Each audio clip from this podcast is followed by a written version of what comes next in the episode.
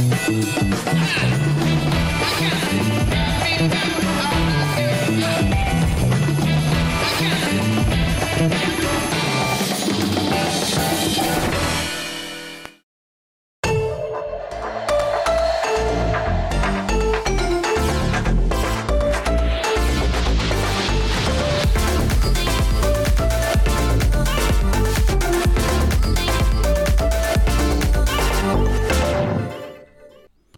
Ćao svima, dobro nam došli u Lab 76, dobro nam došli u šta, podcast, emisiju, ne, ovo šta? nije podcast, ovo nije emisija, ovo je Lab 76, ovo je nešto sasvim drugo što bi rekli Monty Pythonovci.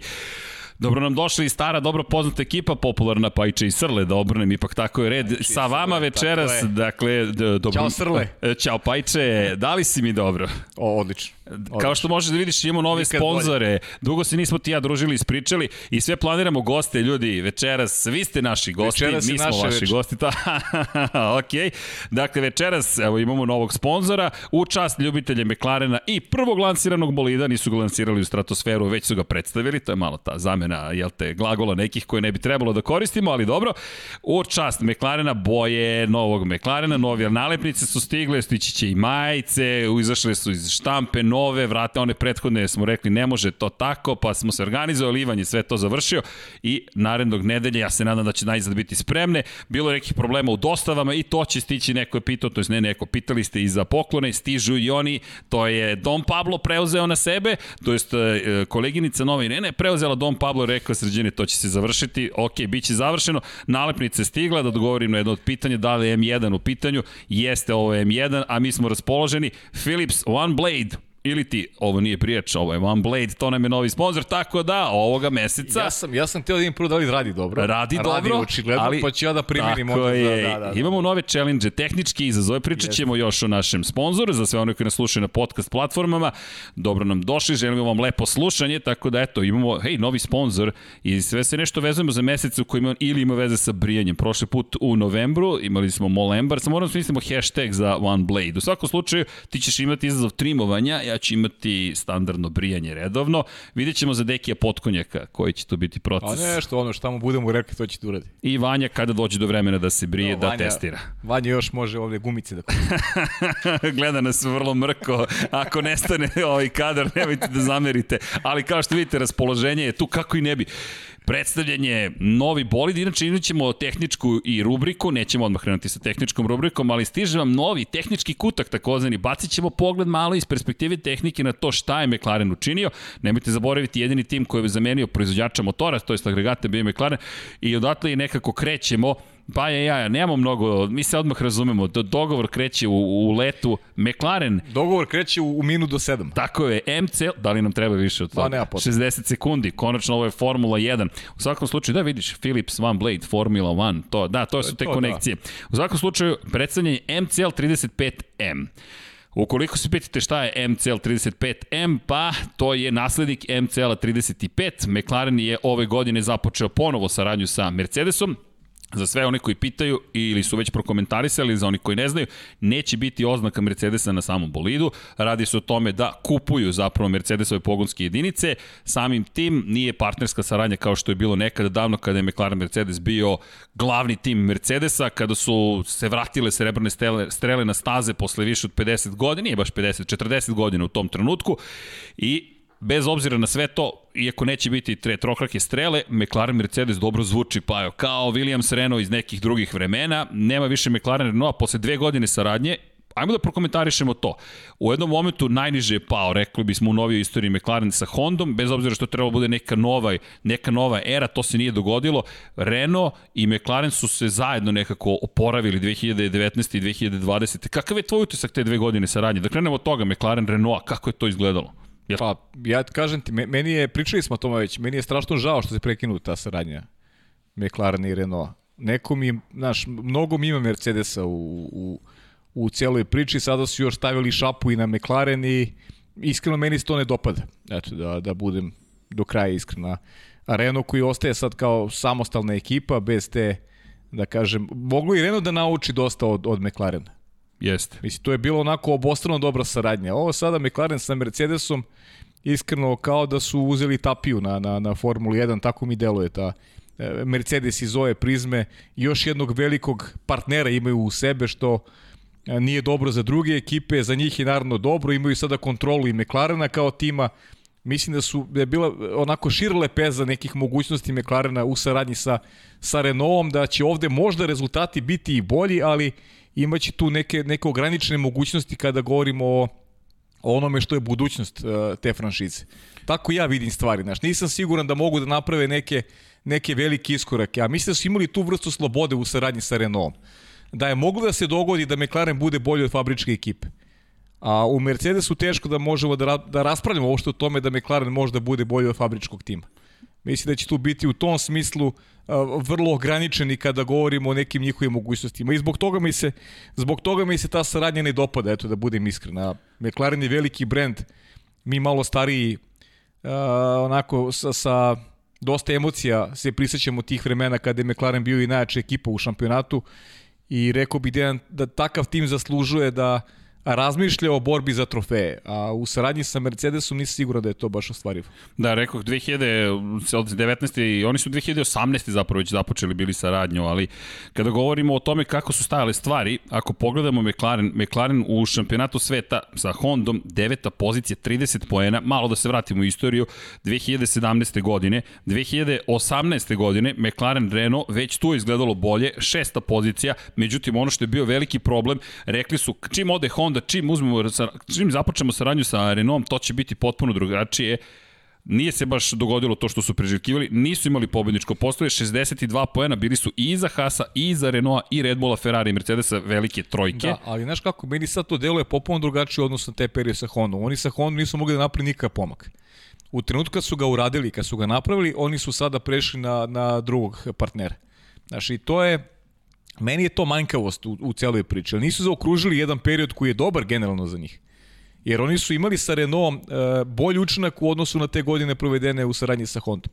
A onda prošla sezona koja je bila izvanredna u svakom pogledu. Dva vozača koji su oba vozača na podijumu, jedna konstantnost koja nije bila prepoznatljiva za McLaren tokom prethodnih deseta godina. I to kada sada se to dogodilo i odjednom su ostali bez bez tehničkog partnera. U stvari, oni su sa idejom da su napravili bolji posao za sebe. I kažem, to je možda trenutno i, i zaista tako.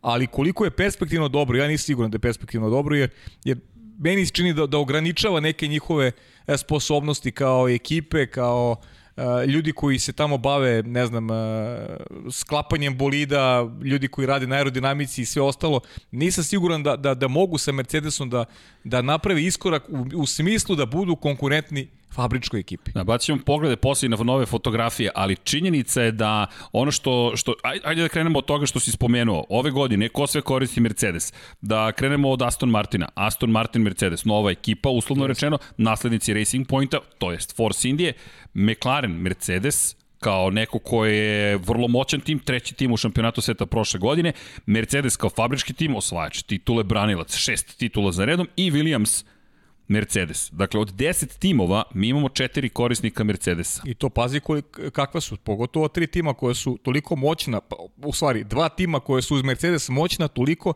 da mogu da razmišljaju podijum. Da. Ali ne mogu da pobede fabričku ekipu. Mogu nekim trkama, ne mogu da ih pobede u, u, u generalnom plasmanu. To, to je nemoguća misija da ti pobedi, da ti pobedi sestrinska ekipa i kao ceo koncept Mercedesa od kako ga mi pamtimo, to njihovo partnerstvo nikada nije donelo neki o, veliki benefit njihovim saradnicima. A mislim da su imali veću lepezu mogućnosti u saradnji sa Renaultom i to je Renault kao, kao samostalni proizvođač, Renault kao, kao samostalna ekipa. Mislim da su otvarali veće mogućnosti svojevremeno i Red Bullu, a isto tako sada i ekipi McLarena. McLaren je mogao da iskoristi svoje tehničke kapacitete, kapacitete u ljudstvu da pobeđuje fabričku ekipu. A ovde nisam siguran da nisam siguran da to, da, to da je to ostvario. To je jedno od ključnih pitanja. Inače McLaren je dosta investirao i u mogućnost proizvodnje zapravo aerodinamike i to je ono što što su nekako radili u prethodne godine. Andre Zajdal je doveden inače posle tog fijaska sa Hondom 2017. godine, čovek koji iz Porschea i svetskog šampionata izdržljivosti prešao u tim McLarena, rekao je da će što se njih tiče cilj biti smanjiti razliku u odnosu na vodeće timove. Vodeći timovi prošle godine, čisto podsjećanje radi, Mercedes pre svega i Red Bull. Ferrari je ispao iz tog kruga vodeća tri tima. Konačno Ferrari prošle godine nije ni bio blizu te bitke za treću poziciju u šampionatu sveta. McLarenu je pripala, ali lep je napredak bio sa Renault. McLaren je skočio na šestu poziciju sa devete, sa šeste na četvrtu, sa četvrte na treću. I prošle godine, ne zaboravimo, McLaren je pobedio Renault, pobedio je i godinu pre toga. Dakle, yes. fabrički tim, kao što si rekao, pobeđivao to sada, gotovo je izvesno da se neće, konačno Mercedes traži da se ne nosi čak ni oznake Mercedesa, dakle ti ne, nigde nećeš videti oznaku Mercedesa na samom bolidu, ali McLaren nekako kao da pravi korake na duže staze za, za budućnost koja ne znamo kako će izgledati. 2022. velika nepoznanica, sva pitanja za 2022. reći ćemo odmah, ne znamo, dakle nemamo Pazi, predstavu šta će se događati. Renault kao, kao proizvođač koji, se, koji je pokušao da se vrati u neki, da kažem, epicentar i da se vrati u neko središte, središte zbivanja, da do, dođe do, do pozicija koje je imao nekad ono, u onoj saradnji sa Benettonom. Renault koji a, prosto u interesu im je i da, da neka sestrinska ekipa kao što je bio McLaren, da, da imaju vrhunske rezultate. I čini mi se da, da a, a, nije bilo toliko, da kažem, neke zle krvi na relaciji Renault-McLaren, Naprotiv, e, e, godilo im je to što neko koristi njihove agregate i ima tako dobre rezultate. A s druge strane, Mercedes u popuno drugačije pozicije. Mercedes ima monopol u Formula 1 već e, godinama unazad i Mercedesu, Mercedes ubija konkurenciju. Ubija konkurenciju, ubija i ovim gestom, mislim gestom. Ovo je poslovni potes koji naravno odgovara Mercedesu. Ti opet imaš sad u sebi jednu, jednu vrhunsku ekipu sa odlično organizovanu ekipu, sa kvalitetnim vozačima. Stavili su šapu na taj tim. I samim tim doveli do konkurenciju u, u položaj koji je, ko, koji je zaista nepodnošljiv, gotovo nepodnošljiv. Jer ti, ti sad imaš Renault samo uz samo fabričku, fabričku ekipu Renault. Imaš Ferrari koji ima te sestrinske ekipe koje su zaista nedovoljno dobre da mogu na bilo koji način da pomognu fabričku ekipu. Ja, ali čekaj jedno pitanje, da li misliš da će McLaren, ne znamo u kakvom će stanju biti Ferrari, po nekoj logici stvari ukoliko uradi svoj posao kako očekujete od jednog Ferrarija, Ferrari bi trebalo da bude među vodeće tri ekipe, to je te tri ekipe da budu na samom vrhu. Mercedes, Red Bull, Ferrari, to je ta Formula 1, Formula 1,5 dolazi posle toga kako su od Milošte prosto navijači nazvali ostatak ekipa, ali Ferrari ukoliko ne uspe da nadoknadi dovoljno taj zaostatak, da li McLaren može da utiče na njega, konačno da li Aston Martin može da utiče na njega, čime Mercedes postiže da zapravo se svodi bitka na to da se bori protiv Red Bulla. Ako te ja dobro razumem, a, a dobro me da razumeš, dobro pa to je, do, odlično se razumem. To je to. To je to, ti nemaš, ti nemaš ko, Mercedes u stvari, iz ove prizme, najviše mogu da možda para Mercedes. Čekaj, rekao si prizma. Drinking game da, je drinking, počeo. Da, da, da. A, u sutra deki ja imamo drinking game koji je izmislio David Emmet, moram da ti spomenem. A, da, da, da, da, da, da ne odlutam sa teme Formula 1. Juče smo imali lansiranje fabričkog tima Yamahe u kojoj je više puta spomenut bivši vozač fabričkog tima nego oba vozača praktično zajedno. Maverick Vinales i Fabio Quartararo ove godine više su puta pomenuli Valentina Rosija, pa je Emmet rekao ajmo da im uvedemo drinking game svaki put kada se spomeni Valentino Rossi. Toliko puta su spomenjali bivšeg vozača. Fascinantno. Ali, e da danas mu je rođendan, ne znam da li znaš. Ne, vidiš. Da, ne, danas je Rosijev rođendan. Trebalo je danas Sre, da imamo srećem u intervju sa Lukom Marinijem, ali je u nekoj grešci u komunikaciji pomeren. Sutra bi trebalo da imamo s Lukom Marinijem intervju, tako da to pa se još sprema. bolje, još bolje pa da, sutra. za Lab 76 broj 72. Ali eto, ako imate pitanje za Luko Marinije, ali da ne odlutamo sa Formula 1, tamo smo imali mnogo zbivanja. No, da se vratimo mi na McLaren. E, s druge strane, e, da li je ovo Sad, gde je sada McLaren u celoj ovoj priči? Ako si ti sad se pomerio napred, da li možeš bolje od treće pozicije u šampionatu sveta u ovoj konstelaciji stvara, stvari i odnosa? Mislim, ove godine sigurno ne, I opet ta 2022. gde mi ne znamo šta će se događati. Ja, ne znamo ništa, ali kažem ti, me, eto, ja, ja tako bar, makar gledam stvari. Mislim da, da nisu zaokružili tu saradnju sa Renaultom na pravi način. Da su godine koje slede trebale da bude za njih još bolje. Ova godina konkretno bolje nego prethodna. Ona tamo, to ne možemo ništa da, da, da ne možemo da predvidimo šta će nam doneti 2022. godina, ali rekao bih da u tom nekom sportskom smislu pričamo po, popuno iz neutralnog ugla pričamo. Uh, kapiram da, da bi nastavak saradnje sa Renaultom imao onako više koristi u tom sportskom smislu za njih i u smislu nekog napretka, uh, te ideje da se, da se poremiti taj neki balans koji postoji trenutno na, na, na vrhu poredka u šampionatu, da bi imali više mogućnosti da streme nekim, nekim visokim ciljevima. Da, izvini, te cele priče meni je zanimljivo i ono što je što je što što je Andre Zajdl izjavio u razgovoru sa Jonathanom Noblom za Motorsport, rekao je da kada je reč o fokusu na Mercedes, da, že, da odsustvo zapravo robne marke Mercedesa i brendiranje Mercedesa, nije to samo pitanje Mercedesa, već i želje McLarena da se fokusira na sebe. Prošle godine Renault je bio istaknut i na kombinezonima, i na bolidima, svugde smo mogli da vidimo Renault. To mi je zanimljiva izjava iz perspektive toga kako Andre Zajdl posmatra ekipu McLarena. Mi smo McLaren, ovo je tehnički korak u napred iz njihove perspektive, ali dalje želimo da mi budemo McLaren, mada delim tvoju skepsu, moram da ti priznam. No, lepa vest, imamo prvi bolid koji je predstavljen. Inače, Jest. kada govorimo o, o još važnim stvarima, kasnije ćemo se pozabaviti malo u tehničkom kutku šta su sve to promenili. Ima tu vrlo intrigantnih izmena na samom bolidu.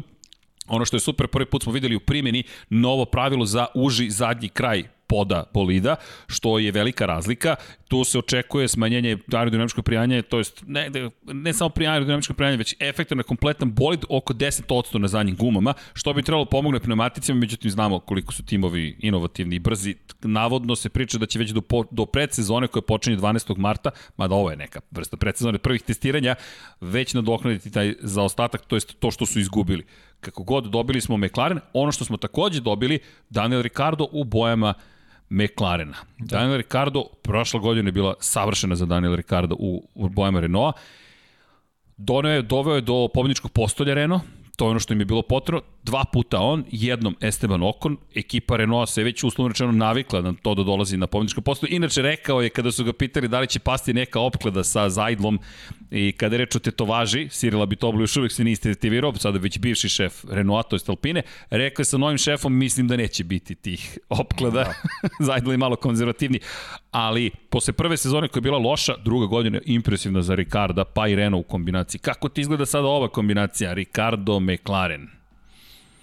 Pa pričali smo o tome u ranijim podcastima. Ja sam, eto, bio zagovornik te teze da je njemu mesto u Renault u jedan projekat koji je počeo, nije ga završio, jer, jer ne znamo kako, kako taj projekat mogu da se završi. Kao i taj projekat McLarena i Renaulta, tako i, i Ricarda i Renaulta. I, I žao mi što, što nećemo spoznati e, ko, koje su bile krajnje mogućnosti. Za mene je Ricardo šampionski potencijal, neko ko može da, da, osvoji, da osvoji titul. Ima konstantno su u formi, ima, ima sve odlike velikog vozača, definitivno. I ima i nešto što, što mnogi drugi nemaju, ima tu harizmu, ima, uh, ima nešto što, što ljudi vole prosto ko njega i ta neka publika koja je možda naklonjena drugim vozačima i Ricarda poštuje i to je nešto što njemu daje na prednost u odnosu na, na, na konkurenciju. E sad, kako će ovo izgledati, ovo saradnja sa McLaren Mercedesom, Ricardo se izjasnio i rekao da je od malih nogu navijač McLaren, ja verujem da je to tako, jer ovo je prvi put tako da je, da je tako nešto izjavio. Znači osjeća tu neku vrstu pripadnosti kada govorimo o veličini, o veličini tima. Samim tim i tim treba da bude onako podređen nekim njegovim e, kvalitetima i, i vozačkim sposobnostima, nemam dilemu da će, da će to tako da bude. Pritom e, radići u ekipi sa momkom koji je očigledno vrlo lako prilagodljiv, neko ko dobro sarađuje i sa ekipom i sa, i sa konkurencijom, mislim na Landa Norisa i jedan vrlo interesantan spoj i kažem, to možda bude onako trenutno dobra veza kada govorimo o McLarenu i Mercedesu, dobra veza iz koja možda profitira u krajnjem slučaju Ricardo.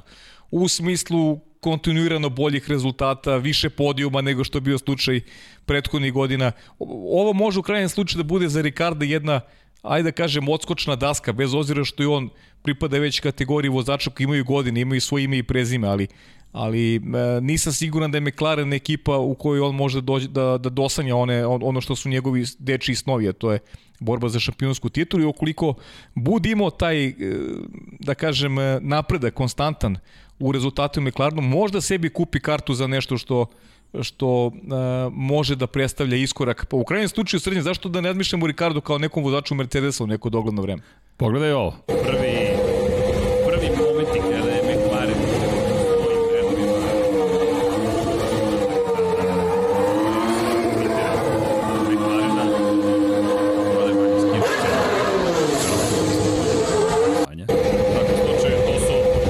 da čujete prvi bolid za ovu godinu. To je MCL 35M.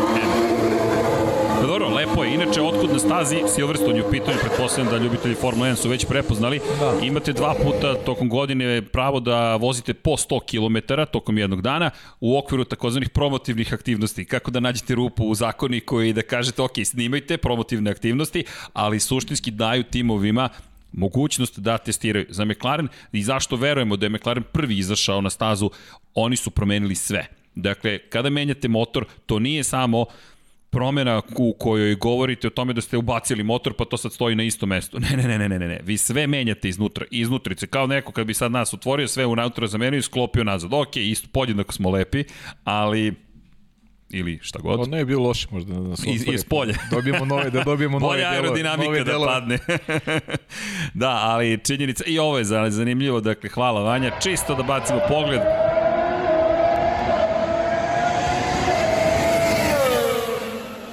ono što nedostaje u ovim hladnim mesecima, mada je hladno da u poslednje vreme, a evo u Silverstone je hladno, ali su izašli na stazu. Inače, danas, to je utorak, dakle, 100 km odvezla ekipa McLaren Mercedesa, McLaren Mercedes dobro, dobro zvuči, I, ipak istorija, makar u našim ušima, ali... Meni ne zvuči dobro.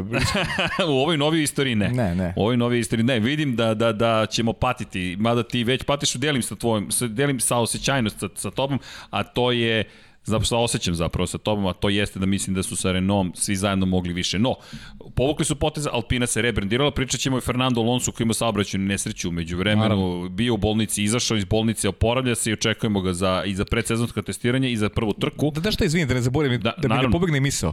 Uh, stalno pričamo o tome šta, šta fali, šta bismo uzeli iz neke stare Formule 1 Uh, šta bismo izbrisali iz ove nove, na, na što najviše u stvari fali? Najviše e, nedostaje, rekao bih svima, e, više e, proizvođača. Pa da. To je ono što nedostaje. Da. I da imamo tu utakmicu kada su proizvođači u pitanju. E to bih volao da to bih volao da dobijemo. U stvari to bih najviše volao da dobijemo. I u minutu 23, jer, izvini. Da, jer jer imam utisak, a verujem da ga da ga delimo svi zajedno da trenutno Mercedes ima monopol na, u Formuli 1. I u minutu 23 otvaraš temu koja se zove Red Bull Honda.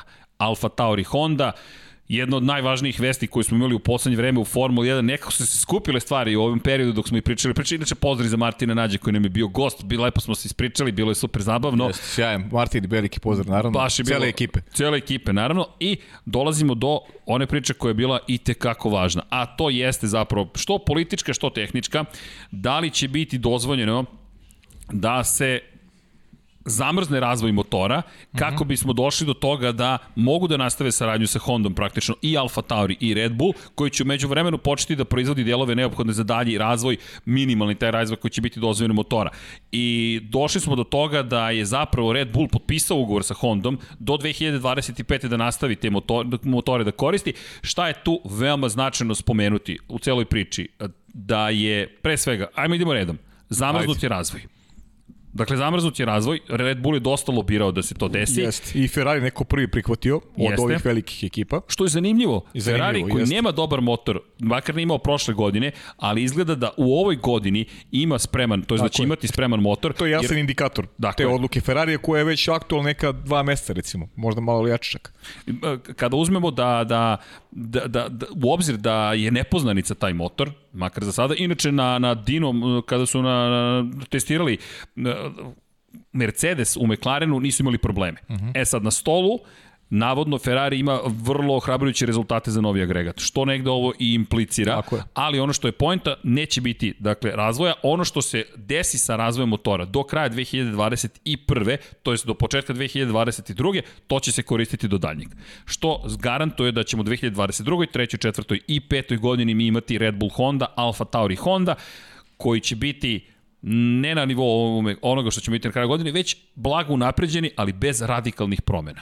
To je najvažnija i najbolja vest koju smo mogli da čujemo. I to je nešto što, što je trebalo, sad se vraćamo na temu McLarena, tako nešto je potrebno i McLarenu kao velikom timu. I mislim da je Red Bull naporno radio na tome da se ovo dogodi. Lobiranje oko zamrzavanja motora, lobiranje oko Honda, da, os, da ostanu, jer, jer to je jedina, jedina prava budućnost Red Bulla Ništa drugo. Sve ostalo je, je bilo onako ograničavalo e, njihovu budućnost. Tačno nije ograničavalo njihovu budućnost, već da e, nastave taj proces koji imaju u Formuli 1, da budu jedan bitan faktor u šampionatu. E, bez Honda, oni ne bi to mogli da budu. Oni bi se sveli na ono što će biti McLaren u saradnji sa... Zamisli da je Red Bull došao do toga da bude Red Bull uz Mercedes. Ja iskreno ti kažem, ne bih se radovao budućim šampionatima uopšte. Iskreno ti kažem. Jer ako jedna ekipa, ako jedan proizvođač ima takvu vrstu monopola, pa to nije dobro za šampionat. I srećom da se da se da su se da je Red Bull imao tu snagu da da da izlobira na taj način da naprave e, celu priču koja je nije samo dobra za njihovu budućnost, već za budućnost celokupnog sporta. Jer oni sada u saradnji sa Hondom mogu da dalje razvijaju, mogu sebi da priušte, verujem, i maksa na jedno određeno vreme, nešto duže vreme nego što bi se možda dogodilo da, da su ostali bez tehničke podrške Honda. Tako da mene ta vizura koja je vezana za, za Red Bull jako raduje. Da, ima tu još nekoliko važnih stvari. Dakle, ne samo što su zamrznuti i razvoj motora je zamrznut, postoji i informacija koja je izronila posle sastanka da zapravo će pored toga, ono što su tražili Red Bull i Ferrari, u biti uveden takozvani korekcioni sistem u odnosu na performanse koje pojedinačni proizvođači motora imaju. Nisu uveli to u pravilnik, ali je međusobno razumevanje između proizvođača motora da će raditi na tome da se smanje razlike. Negde me to podsjeća na onaj period prehibridni, kada smo imali V8 motore atmosferske u kojem su manje više svi bili izjednačeni. Nismo mm. više tu pričali toliko o tome da li je Mercedes bolji, da li je Ferrari bolji, da li je bolji Renault, koji je u to vreme dominirao sa Red Bullom, ne zaboravimo četiri titule za redom, što Sebastijana Fetela kao vozača, što Red Bull Renault kao proizvođača. Došli smo do toga da od 2000 zapravo 14. godine, kada je je na snagu stupila, stupio novi pravilnik, kada smo dobili hibridne motore, je sve poremećeno iz te perspektive. A kada kažem poremećeno, ne mislim ništa e, loše ili dobro, prosto se promenila situacija. Do tada se nismo bavili toliko motorima, taj prelaz je trebalo navodno da omogući proizvođačima, fabrikama automobilskim, Mercedesu, Ferrariju koji proizvode i svoj bolid i svoj motor da imaju prednost u odnosu na ostale. To se baš nije dogodilo konkretno sa Ferrari, samo se desilo s Mercedesom. Čak ni Renault nije baš pokazao kasnije kada je potkupio tim Lotusa i pretvorio ga u svoj novi tim. Nismo došli do toga da to baš predstavlja automatski prednost, mada se tu i dalje negde vrtimo. E sad, ovo mi deluje kao da posle skoro 10 godina tog novog pravilnika ćemo doći do toga da zapravo, nije baš 10 godina preterujem, ali u svakom slučaju posle 7-8 godina da dođemo do toga da će biti izjednačeni po pitanju pogonskih jedinica, ali da će onda biti svedeno na to šta ekipe mogu da urade kao nezavisni neki entiteti. Alpina i rebrandiranje Alpine iz Renaulta govori prilog tome da će Formula 1 imati neku svoju priču, da će drugi šampionati biti zaduženi za promociju, možemo reći, opštih robnih marki. I negde mi deluje da će AMG uskoro postati tim u Formuli 1, da se Mercedes će se manje spominjati, više u Formuli E, električna vozila, možda u hiperautomobilima, u šampionatu izdržljivosti, što me negde dovodi do toga da sada kada pričamo o svemu ovome, taj korektivni sistem koji nije upisan, koji je spomenje Christian Horner, Horner je opet rekao u razgovoru sa Lukom Smithom, je rekao da će zapravo poštovati i da je siguran da će proizvođači poštovati taj korektivni sistem. Nadam se da znaju šta rade. Mm. Obično to kada ti kaže sigurno neću ništa Klasika, raditi, da. imam ma, ma, malu zadršku u Formuli 1. Časna reč. Časna reč. Ne, ne, da, časna reč. Mm. Neću biti mnogo bolji od tebe. To mi je malo problematično, ali ok, Formula 1 se menja, činjenica je, naredne godine će biti još dramatičnija pravila, tako da dobro sve to zvuči, Red Bull je u svakom slučaju potvrdio da ostaje sa Hondom. Ono što je takođe zanimljivo je i bilo pitanje kako će se zapravo zvati taj motor i zvaće se Red Bull to je makar izjava koju je dao da. Horner. Dakle, Mercedes i Mercedes, Red Bull će biti Red Bull. Pretpostavlja da će Alfa Tauri biti Alfa Tauri Red Bull zvanični pa. naziv, ali znaš šta me sad zanima, sad mi pada na pamet, da li to znači da će neko sutra moći da dođe kod Red Bulla pokuca i kaže da li mogu da dobijem vaš motor Red Bull? McLaren Red Bull. Ne šalim se. da, interesantno pitanje, da tehnički teško da je to izvodljivo, ali... Ali zašto da ne? Williams Red da. Bull, ako mogu da proizvode motore, dođe Williams i kaže plaćaću vam, Red Bullu je to potencijalni novi izvor prihoda. Šest motora na stazi. Hm. Dobro zvuči, da, ali kažem, mislim da je mnogo važnije... Samo mi je palo na pamet, Mnogo je važnije ovo što smo Ovi što su prokomentarisali vezano za tu budućnost Red Bulla i mislim da drugačije ne bi, ne bi postojalo. Shodno ljudstvu koji imaju, shodno nekim ambicijama, nekim navikama koje su stekli u uh, toj, da kažem, uh, saradnji i tačni bitisanju u Formuli 1 i radujem se zbog toga zaista. Jer oni su oni su ne oni su taj neki faktor. Rekao bih da su oni čak i da su oni faktor stabilnosti u Formuli 1. Red Bull. Da. U, to je zanimljivo. Oni i destabilizuju i stabilizuju, misliš? Mislim da su da, mislim da su faktor stabilnosti. Jer oni su ti koji imaju imaju resurse, imaju mogućnost da da da da naprave nešto što da održe vrhunski nivo koji imaju. Jer pazi šta su, kako su, kako su prošli oni, saradnja Renault, Honda, Zamisli da imaju mogućnost da proizvode motore, da imaju neku ekipu koja je bila uz njih, tači proizvođača koji je bio sa njima, jako proizvođača koji je bio sa njima prvog dana. Pa pogledaj koliko su podigli generalnu i Hondu. Pogledaj Hondu kako izgledala sa McLarenom, kako izgleda Honda sa, sa Red Bullom. Da, to je To je zanimljivo, moram ti priznati. S jedne strane Red Bull koji stalno preti da će izaći iz Formule 1. Pa do, to je pri, to igra pritiska, to je nešto to što radi pregovori. svi. To, to svi radi, nije sporno. Znaš.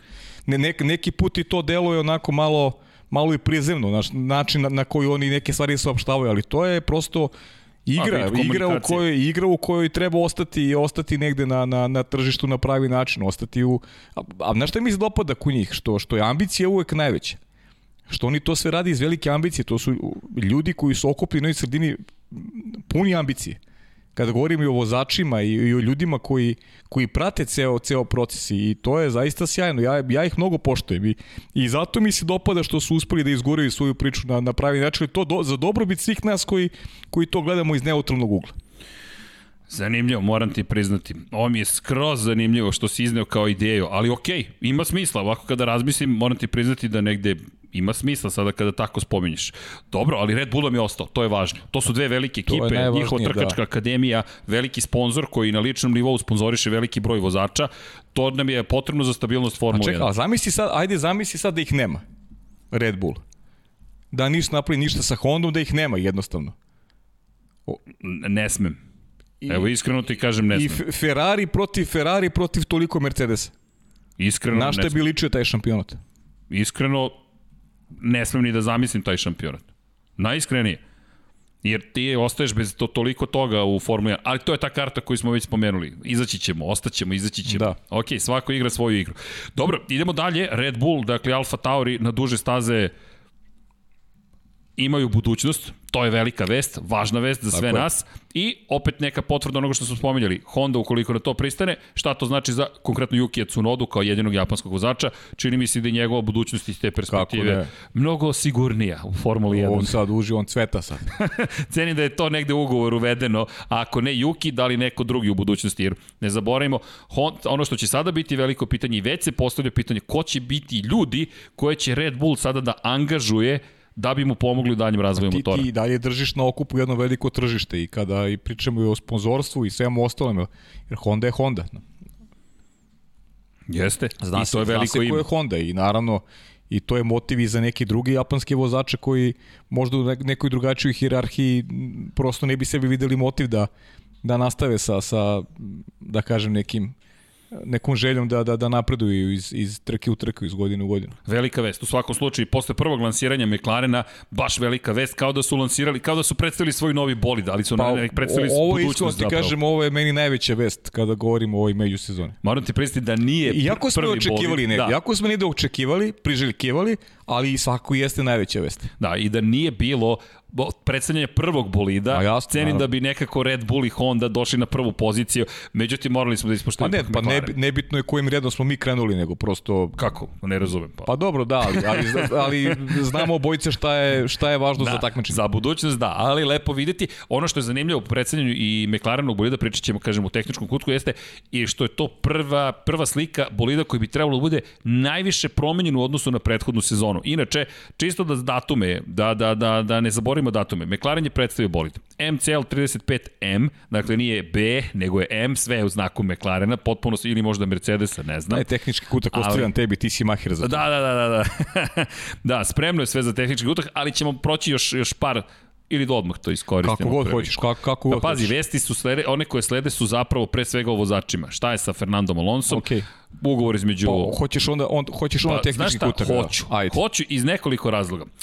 E, imamo, kažem, novog sponzora. Ovog puta imamo i sponzora segmenta koji se zove tehnički kutak. Vanja, jesmo spremni, šta ti kažeš? Ovo do sada nismo uradili. Evo još jednom da pok... O, tehnički kutak. 2020. MCL 35, powered by Philips One Blade. I šta smo rekli, nije brijač, ovo je One Blade. Inače, zašto smo ubacili tehnički kutak? Pa ima tu nekih zanimljivih momenta i ovo će biti klasična, naravno, promocija, ali kako i ne bismo, čak i Paja da se trimuje, obrije, hoću, kako god. Hoću, da, za Molim sledeću priliku moram. Pa kako, moramo biti spremni. Ja ovde pokazujem i prstom da, da mora da se snimi, šta? Ne, ne.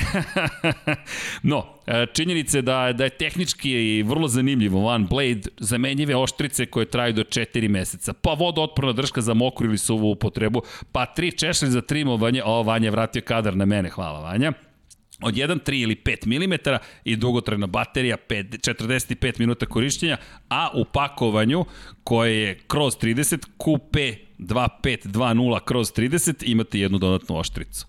Molim vas, imate QP 2520 kroz 20, kao u Formuli 1 oznake, One Blade Formula 1, kao što smo rekli, trimuje, podrezuje, brije, oblikuje sve dužine brade, u mom slučaju, molim vas, Samo u, samo u novembru ćemo da imamo brkove i bradu, to je, to je neko pravilo da nekada davno, a inače, kao kada menjate gume u Formula 1, menjate ovde i oštrice. Tako da, One Blade jedinstvena tehnologija za tehnički kutak, momci, brijanje u narednih 30 dana samo one blade-om, molim vas. I trimovanje, i podrezivanje i sve ostalo. Ali da se mi vratimo na tehnički kutak, nadam se da ćete biti zadovoljni. Idemo korak dalje i tako ćemo stalno da radimo. Ovo je pogled iz ptiče perspektive na MCL 35. Možemo li da pređemo na MCL 35M? Obratite pažnju, hvala inače našem dragom Bogdanu, Bogdane, hvala ti. Bogdan Brđević, čovek koji je novi član ekipe i kao što možete videti, šta je drugačije u odnosu na 2020. godinu. Obratite pažnju na pod, ovo je nešto o čemu smo pričali, ako se vratimo na prethodni kadar, vidjet ćete da je taj deo, dakle da je taj deo bolida bio potpuno ravan. Pored toga imate vrlo intrigantne kanale koji su sprovodili vrtloženje i uticali na vrtloženje vazduha, to jest fluida koji, koji se kreće bolid, u ovom slučaju vazduha, na jedan vrlo specifičan način, sa ciljem da se umanji s jedne strane negativni aerodinamički efekt guma, s druge strane da što više vazduha preusmere ka difuzoru koji se nalazi na centralnom mestu ispod zadnjih dela bolida, a na 20 na modelu MCL 35M toga više nema. I ovo nam je bilo veoma važno. Ovo je vrlo interesantno, obratite pažnju, nema više kanala, o tome se dosta pričalo, pokušat će da na taj način ograniče ono što timovi mogu da učine. I rekli smo, izgubit će oko 10% prijanjenja na zadnjem kraju, zahvaljujući ovim izmenama. Velika, velika izmena. Pored toga, ako obratite pažnju na centralni deo gde piše Dell Technologies, pa malo ispod toga, vidjet ćete da oblik nije toliko ravan koliko kod MCL-a 35. Vanja, možemo se vratimo na MCL 35. Sledeći put ćemo staviti paralelne pored drugih, možda da budemo još precizniji. Ovde možete vidjeti koliko je zadnji kraj uži i ravan, a, a sada, s obzirom na činjenicu da skladište zapravo Mercedes u, u celom sistemu je malo drugačiji oblik. Prosto, o čemu smo pričali? Uzmete i promenite motor i ako pogledate MCL 35M, Dakle, ukoliko pogledate novi bolid, vidjet ćete da su oblici drugačiji. Kao u kaskadama da ide bočna ivica i drugačiji sistem hlađenja. Idemo dalje, dakle vidjet ćete još izmjena koje je McLaren uveo tokom ove godine, ovo je malo da, da bacimo pogled prosto na bolid iz prethodne sezone, da se podsjetimo, pa sada, obratite pažnju na, na, na, na, na, i na hlađenje. Vidjet ćete, on, o ovome ćemo mnogo voditi računa, zašto? turbina i kompresor kod Mercedesa nisu spakovani jedni, kompaktno jedni uz drugi. To je nešto što je Mercedes uveo još 2014. i ovde očekujemo da ćemo vidjeti najveć, dosta promena u cilju boljeg hlađenja zapravo kompresora. Uh, vidjet ćemo naravno šta će sve McLaren tu menjati, ali o tom delu ćemo voditi računa. Takođe, uzimamo u obzir da će tek 12. marta zapravo biti predstavljen bolid koji će izaći na stazu, pretpostavljamo u Bahreinu, 28. marta je prva trka na programu. Zašto? Pa, dosta toga nećete da prezentujete pre vremena. Ne želite da konkurencija ima mogućnost da fotografiše, pa kao ovako, kao mi, sedne, uveličava i gleda šta je različito. Idemo dalje, MCL 35 35 prošlogodišnji, brate pažnju na zadnji kraj, gde je Strelja Galicija bila, inače malo se promenio taj sponsor, to su bočne ivice, znači granične ploče zapravo ih zovu u avio industriji. Granične ploče, idemo na MCL 35M, drugačije su. Vidjet ćete da je isečak duži, vidjet ćete da je malo kompleksniji sistem na donjem kraju, ali to je ono što je drugačije. Analizirat ćemo i točkove, nisam siguran, deluje mi kao da su promenjeni i točkovi, to ćemo još malo da bacimo pogled, da istražimo šta se tu događa, no to su već neke prve stvari koje možemo da vidimo da su promenjene. Ono što nije promenjeno nisu boje. Idemo dalje, ne znam da li imamo, ovo je pogled na prednji kraj. Obratite pažnju na nos. E, dakle, obratite pažnju na nos na 35-ici i sada na 35M modelu, kako to izgleda. Vidjet ćete da je i tu promenjen zapravo oblik. Što da kažemo, ovih krilaca sa strane bočnih, što dela koji vozi ka, vodi ka bargeboard. E, ovo je Norrisov, inače, bolica brojem 4, ove godine nema 55-ice više, 55-ica je otišla u Ferrari, bit će zanimljivo, Ivan tamo pozdravlja taj potez, bit će to interesantno, ali e, ono što ovde ne znamo, naravno, da li će ovo biti konačna verzija nosa. Nos je inače sredinom prošle godine promenjen značajno kod McLarena, i zadržan je taj koncept nosa koji je uveden, doneo je odlične rezultate ekipi, ekipa je imala dosta problema u sporijim krivinama, to je nešto na čemu dosta moraju da porade, imali su neuspehe i u nekim promenjivim uslovima, to moramo da priznamo, ali Nadam se da ste uživali tehnički kutak prvi koji smo sprovili delo, powered by Philips One Blade. Ja se samo rada da nju i ovo ne slušaju, ali ću ostati bez kolege. nije, nije, tek smo počeli, pa tek smo počeli. A Dobro. čekaj da dovedemo ekipu. Ja, ovde bi bio idealan moment, možemo da zapamtimo vreme, 42 minute, da ubacimo kart koji vodi na emisiju sa studentima sa mašinskog fakulteta, ekipu ćemo da uvedemo u tu priču, pa ćemo inženjere ili buduće inženjere da uključimo u celu, celu priču, što kao stručne savjetnike, što možda kao ljude koji će i sami da, jel te, čitaju vesti iz tehničkog sveta, a pozdrav za Martina, tako, tu smo isto napravili konekciju, pa ćemo koristiti sve moguće veze i prilike. Ali eto, da, evo još malo promocije. Product placement čuveni je tu, o čekaj, moram da uđem u kadar. Vidiš da napredujemo, polako, da, da. ali sigurno. A ovde su kolege zadovoljne, činjenicom takođe da su stigli nove nalepnice. E da, stigle su nam nalepnice u bojama svih timova, ili većine, ja mislim da su svih timova čak stigle. Da, Maša mi potvrdno Ivan glavom. Ivan klima glavom, to je to. Ivan, i čim Ivan potvrde, ne, čim, čim Dom Pablo potvrđuje. A dobro, to, to više, to ne sme da, to, ne, to ne mora vodi da računa šta. Ko spomene njegovo ime, Mora vodi računa šta radim, inače sam gotov. Inače si gotov, da. Ali, eto, to je bio pogled, nama je bitan pogled bio. Na šalnu stranu što, što nam je uživanje da analiziramo fotografije bolida Formula 1, ali iz jedne druge perspektive, inače hvala Bogdanu još jednom. Zagorčao sam u život, prekinuo ga u sred odmora, ali dobro. Oprostit će mi, ipak je to ljubav prema Formuli 1. A inače pričat ćemo vam još o One Blade karakteristikama. Imamo ceo mesec, osam podcasta da vam pričamo o One Blade-u, jedno po jedno. Ali kažete, zanimljivo mi je bilo kada je stiglo, stiglo pitanje, pa mokro, suvo, kažem, pa vidi, ovo je Formula 1 i 1 na 1. Ali dobro, da se vratimo mi na McLaren. Dakle, ono što smo videli jeste upravo to suženje poda zadnjeg, na zadnji kraju bolida. Videli smo da su promenili sam oblik, spakovati Mercedesov motor je malo drugačije. Tačke na vešanja na monokoku su, nisu iste. Ne možete tek tako da uzmete i samo zakucate na isto mesto gde je stajao Renault Mercedes. Iz te perspektive velik uspeh je i ova, ovo što su juče, to je danas odlazi 100 km bez problema. Možemo slobodno reći da je ovo bio shakedown, takozvani test, kada treba da protresete ceo sistem, deluje da radi. Na, možemo reći slobodno, na stolu je takođe sve bilo kako treba. Tako da su mi verujem zadovoljni iz te perspektive i ono što nam ostaje u celoj priči jeste da vidimo šta će promeniti na prednjem kraju kada dođe vreme za testove. Zašto? Testovi su prvi moment u kojem ćemo imati mogućnost da vidimo zaista kako će izgledati to prednje krilo. Očekujemo i promene do Bahreina, obična Australija prva trka i za Australiju se malo drugačije pripremaju bolidi. Ipak je to ulična staza i malo drugačija konfiguracija. No, srećni smo, kao što možete vidjeti, dosta vremena smo posvetili McLarenu.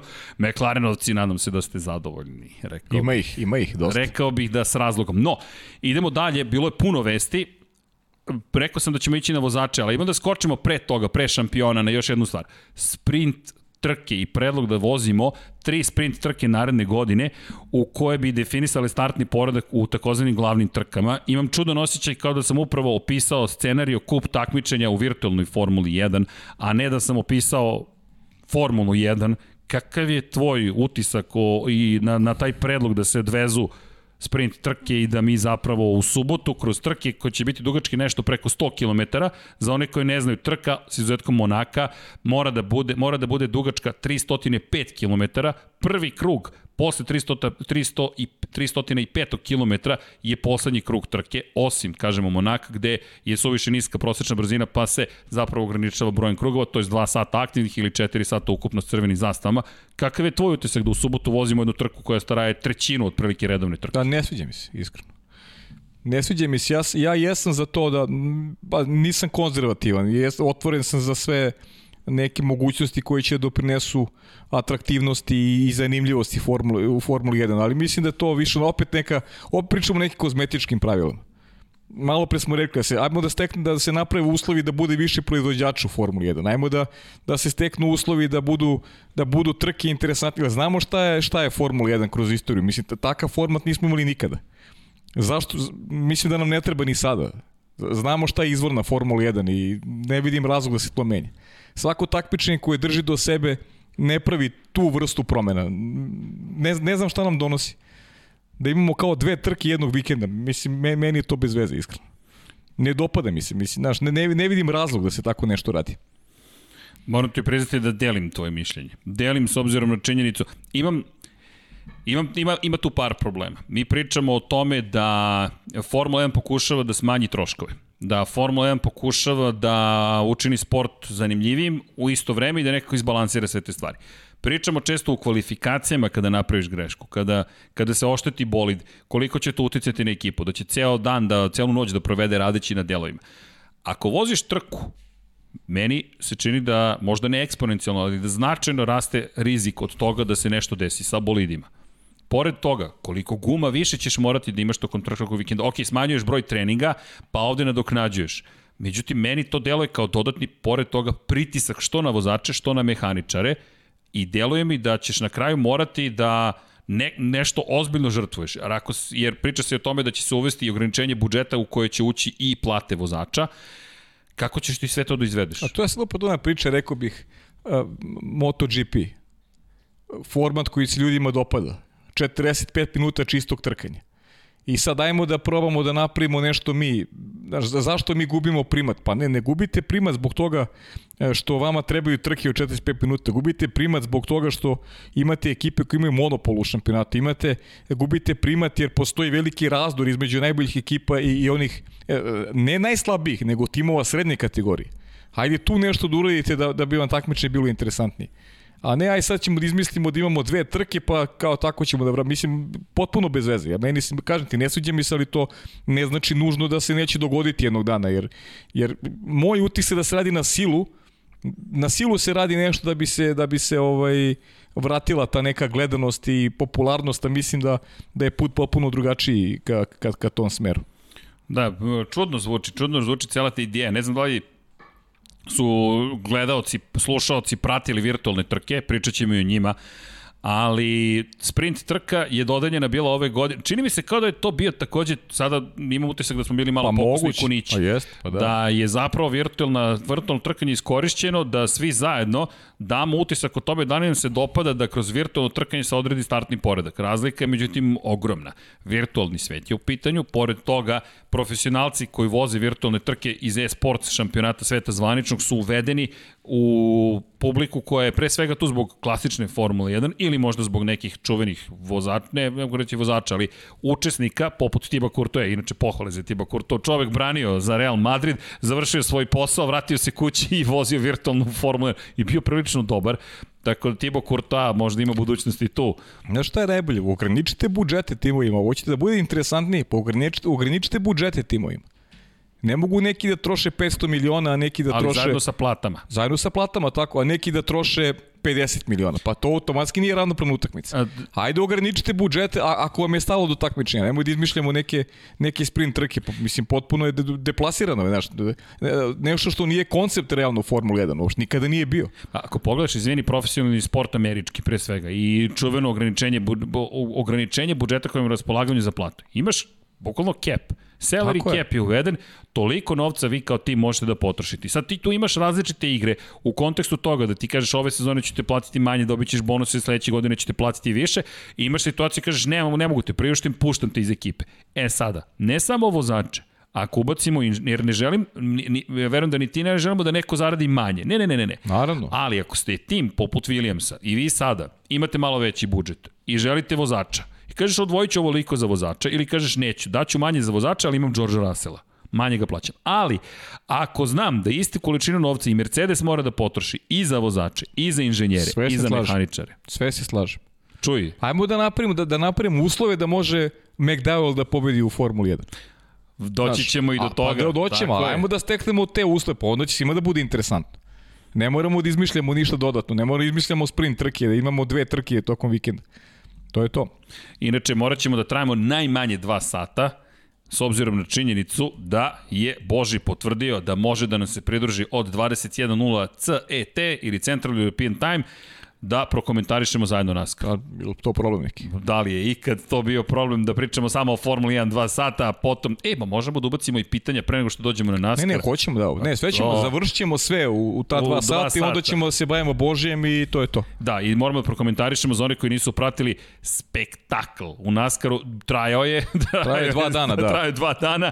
Pa poslije, i, po, i prošle godine isto odloženo da je to nije, voz, nije se nedeljom vozila nego ponedljak. E, se sećaš kada smo u 6 ujutro počeli prenos? Trke koja je bila da. planirana, ja mislim za 10 uveče. Ali to ali to nije, ali to nije srđene, nije 500 milja. Nije 500 milja, da je to na 400, 400 kasnije, ali da, samo podsjetnik da smo imali, vidi, da. Lukas Pasovski, naš dragi kolega koji je počeo da radi NASCAR, je prošao vatreno krštenje. Jeste, i bit će nam ovdje jedno, neka prođe malo vreme, pa ćemo, sjerćemo zajedno ovdje jednom prilikom. Da, inače bilo je komentara ko je novi momak, Lukas Pasovski, dogovorili smo se s Lukom, o, sada je deo ekipe i Luka mora da prođe kao i sve Novajlije, vrlo ozbiljnu obuku, škole, sve šalnu stranu. Luka Spasovski je ozbiljan profesionalac.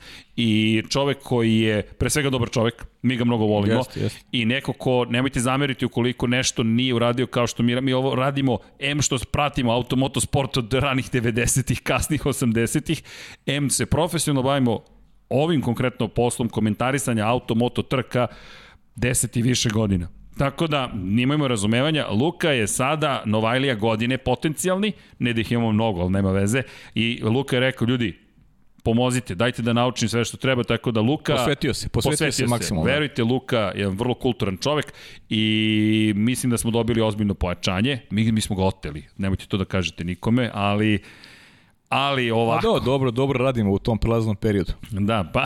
Na, naše ponude se teško odbijaju. Andras, Andras Živković Zajdl. Šta mu je dođe, Lando Norris, nisam baš tako mlad, ali imam Instagram. Neki, ti si, ti si njuji, ti si Mozak, mozak operacije, mozak operacije. Hvala. Hvala. Ma ima ovde neki skeptični se javljaju tamo iza pa, kamere. Pa dobro, uvek ima tih ah, neverne, pa, neverne tome. Da, da. No. Ne, neverne, neverni Pablo. A da, neverni Tomo. neverni Toma, da, da. No, bez obzira na sve, e, činjenice da, da, da čudno mi zvuči ta cela priča o sprintu, kao da se opet bavimo stvarima koje ne bi trebalo.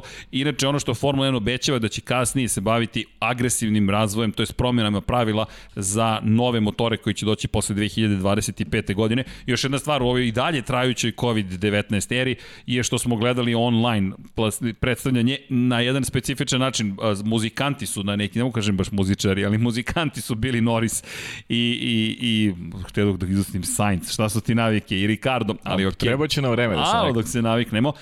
I bilo je zanimljivo to pratiti, čekamo one fešte koje smo imali prethodnih godina, doći će i one. No, kada spominjem već ponovo lansiranja, to je predstavljanja bolida, da ne zaboravim datume, sledeći na redu biće Alfa Tauri 19. februara.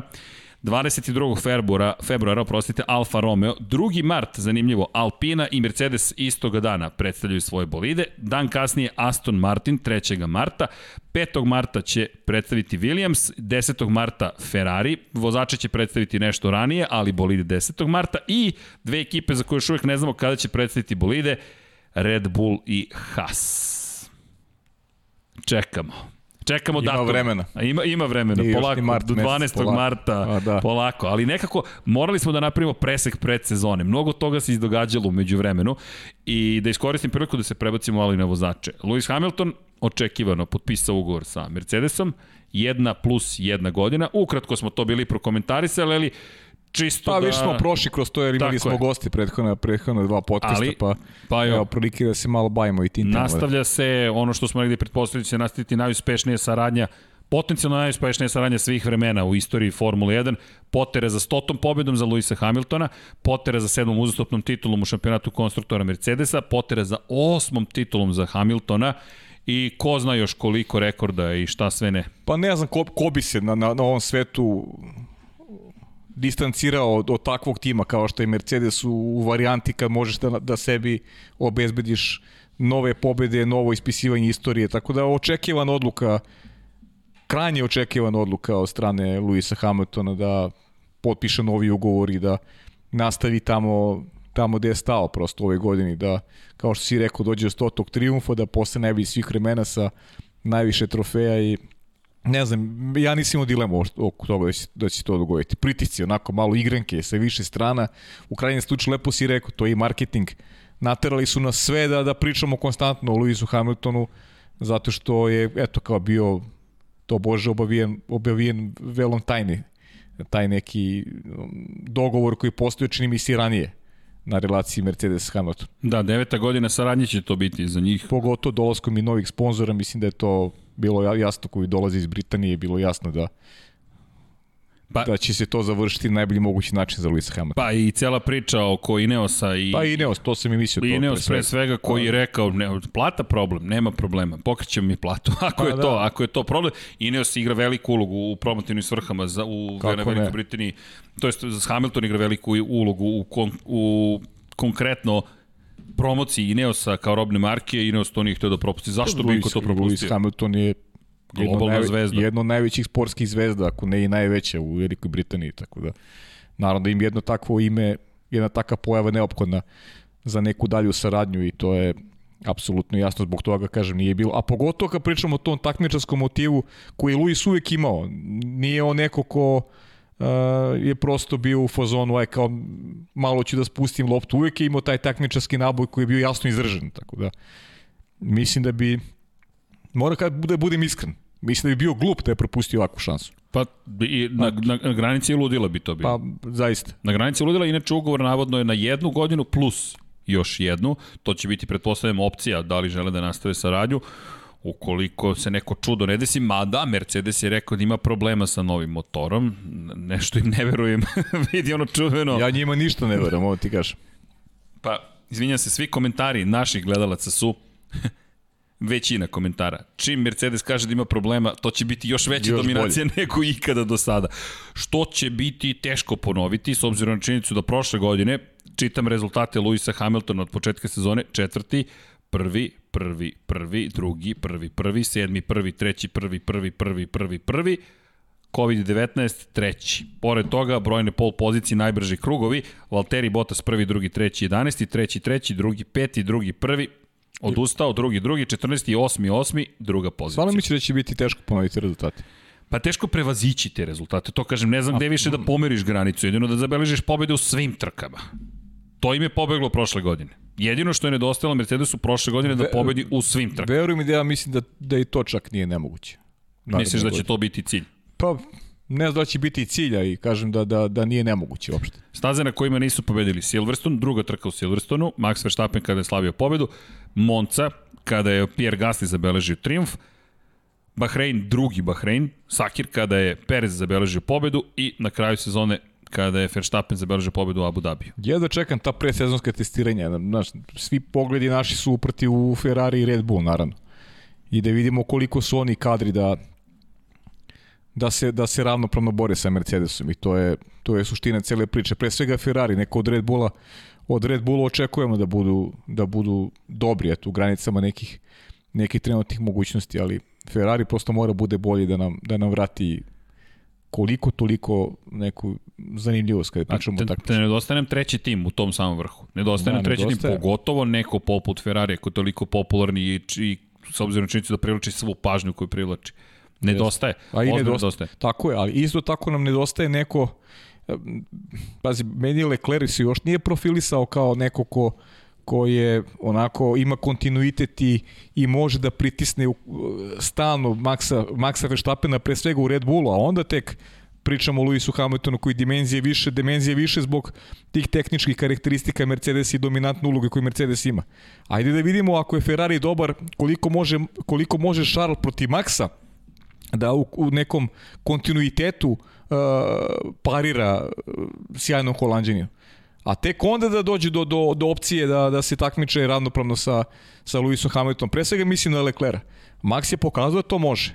A Leclerc meni to još nije pokazao. Ja još nemam, uh, nisam još to video, da, da, da je to uh, takav profil uh, vozača, da je to šampionski potencijal nisam do kraja siguran, zaista. Iako mislim da on ima privilegovan status, da će imati privilegovan status u Ferrariju, ali nisam siguran da je on taj, moram da, moram da budem iskren.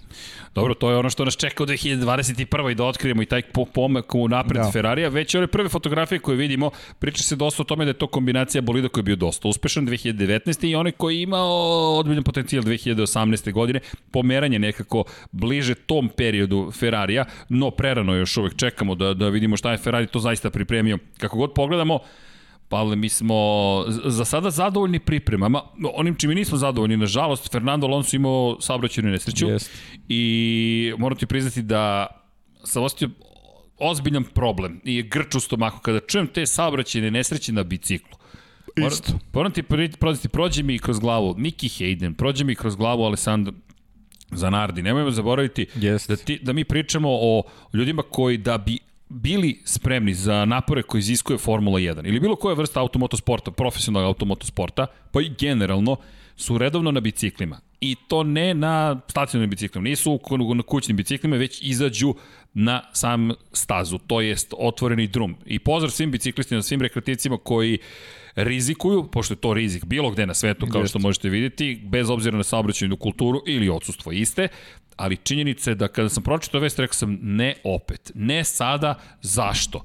I zašto uvek u predsezoni, na motokrosu, u reliju Robert Kubica, uvek neki problem tog tipa, srećom, puštenje iz bolnice posle 48 časova, i operacije. Nažalost, imao je prelom, imao je frakturu gornjih dela vilice. Ne znamo šta će to sve značiti u daljim nedeljama za Fernanda Alonsa. Ono što znamo da je bio potpuno fokusiran, da radi na tome da se ozbiljno fizički pripremljen vrati, psihofizički, na stazu Formula 1. Uspešno je obavljena korektivna operacija. Pretpostavljamo da je, da je morao da ima neku vrstu plastične operacije.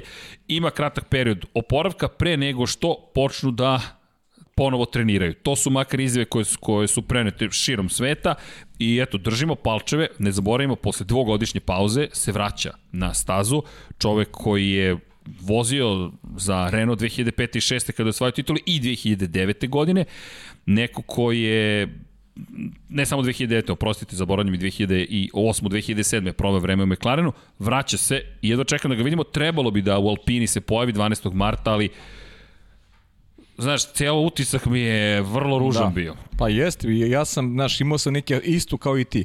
Kad sam čuo, odmah su mi asocijacije bile, znači ne samo sportisti koji su, na, da kažem, u automoto sportu, na biciklu, evo, setio sam se recimo u sekundi e, čuvenog švedskog reprezentativca rukometog Fredrika Larsona koji je poginuo takođe dok je vozio bicikl eto Fah koji je onako mnogo bliži mom dragom kolegi Pavlu Ercegu, tvom ocu inače ovaj, zaista znam mislim, mislim na ruku zna, da, zna, znam da znaš.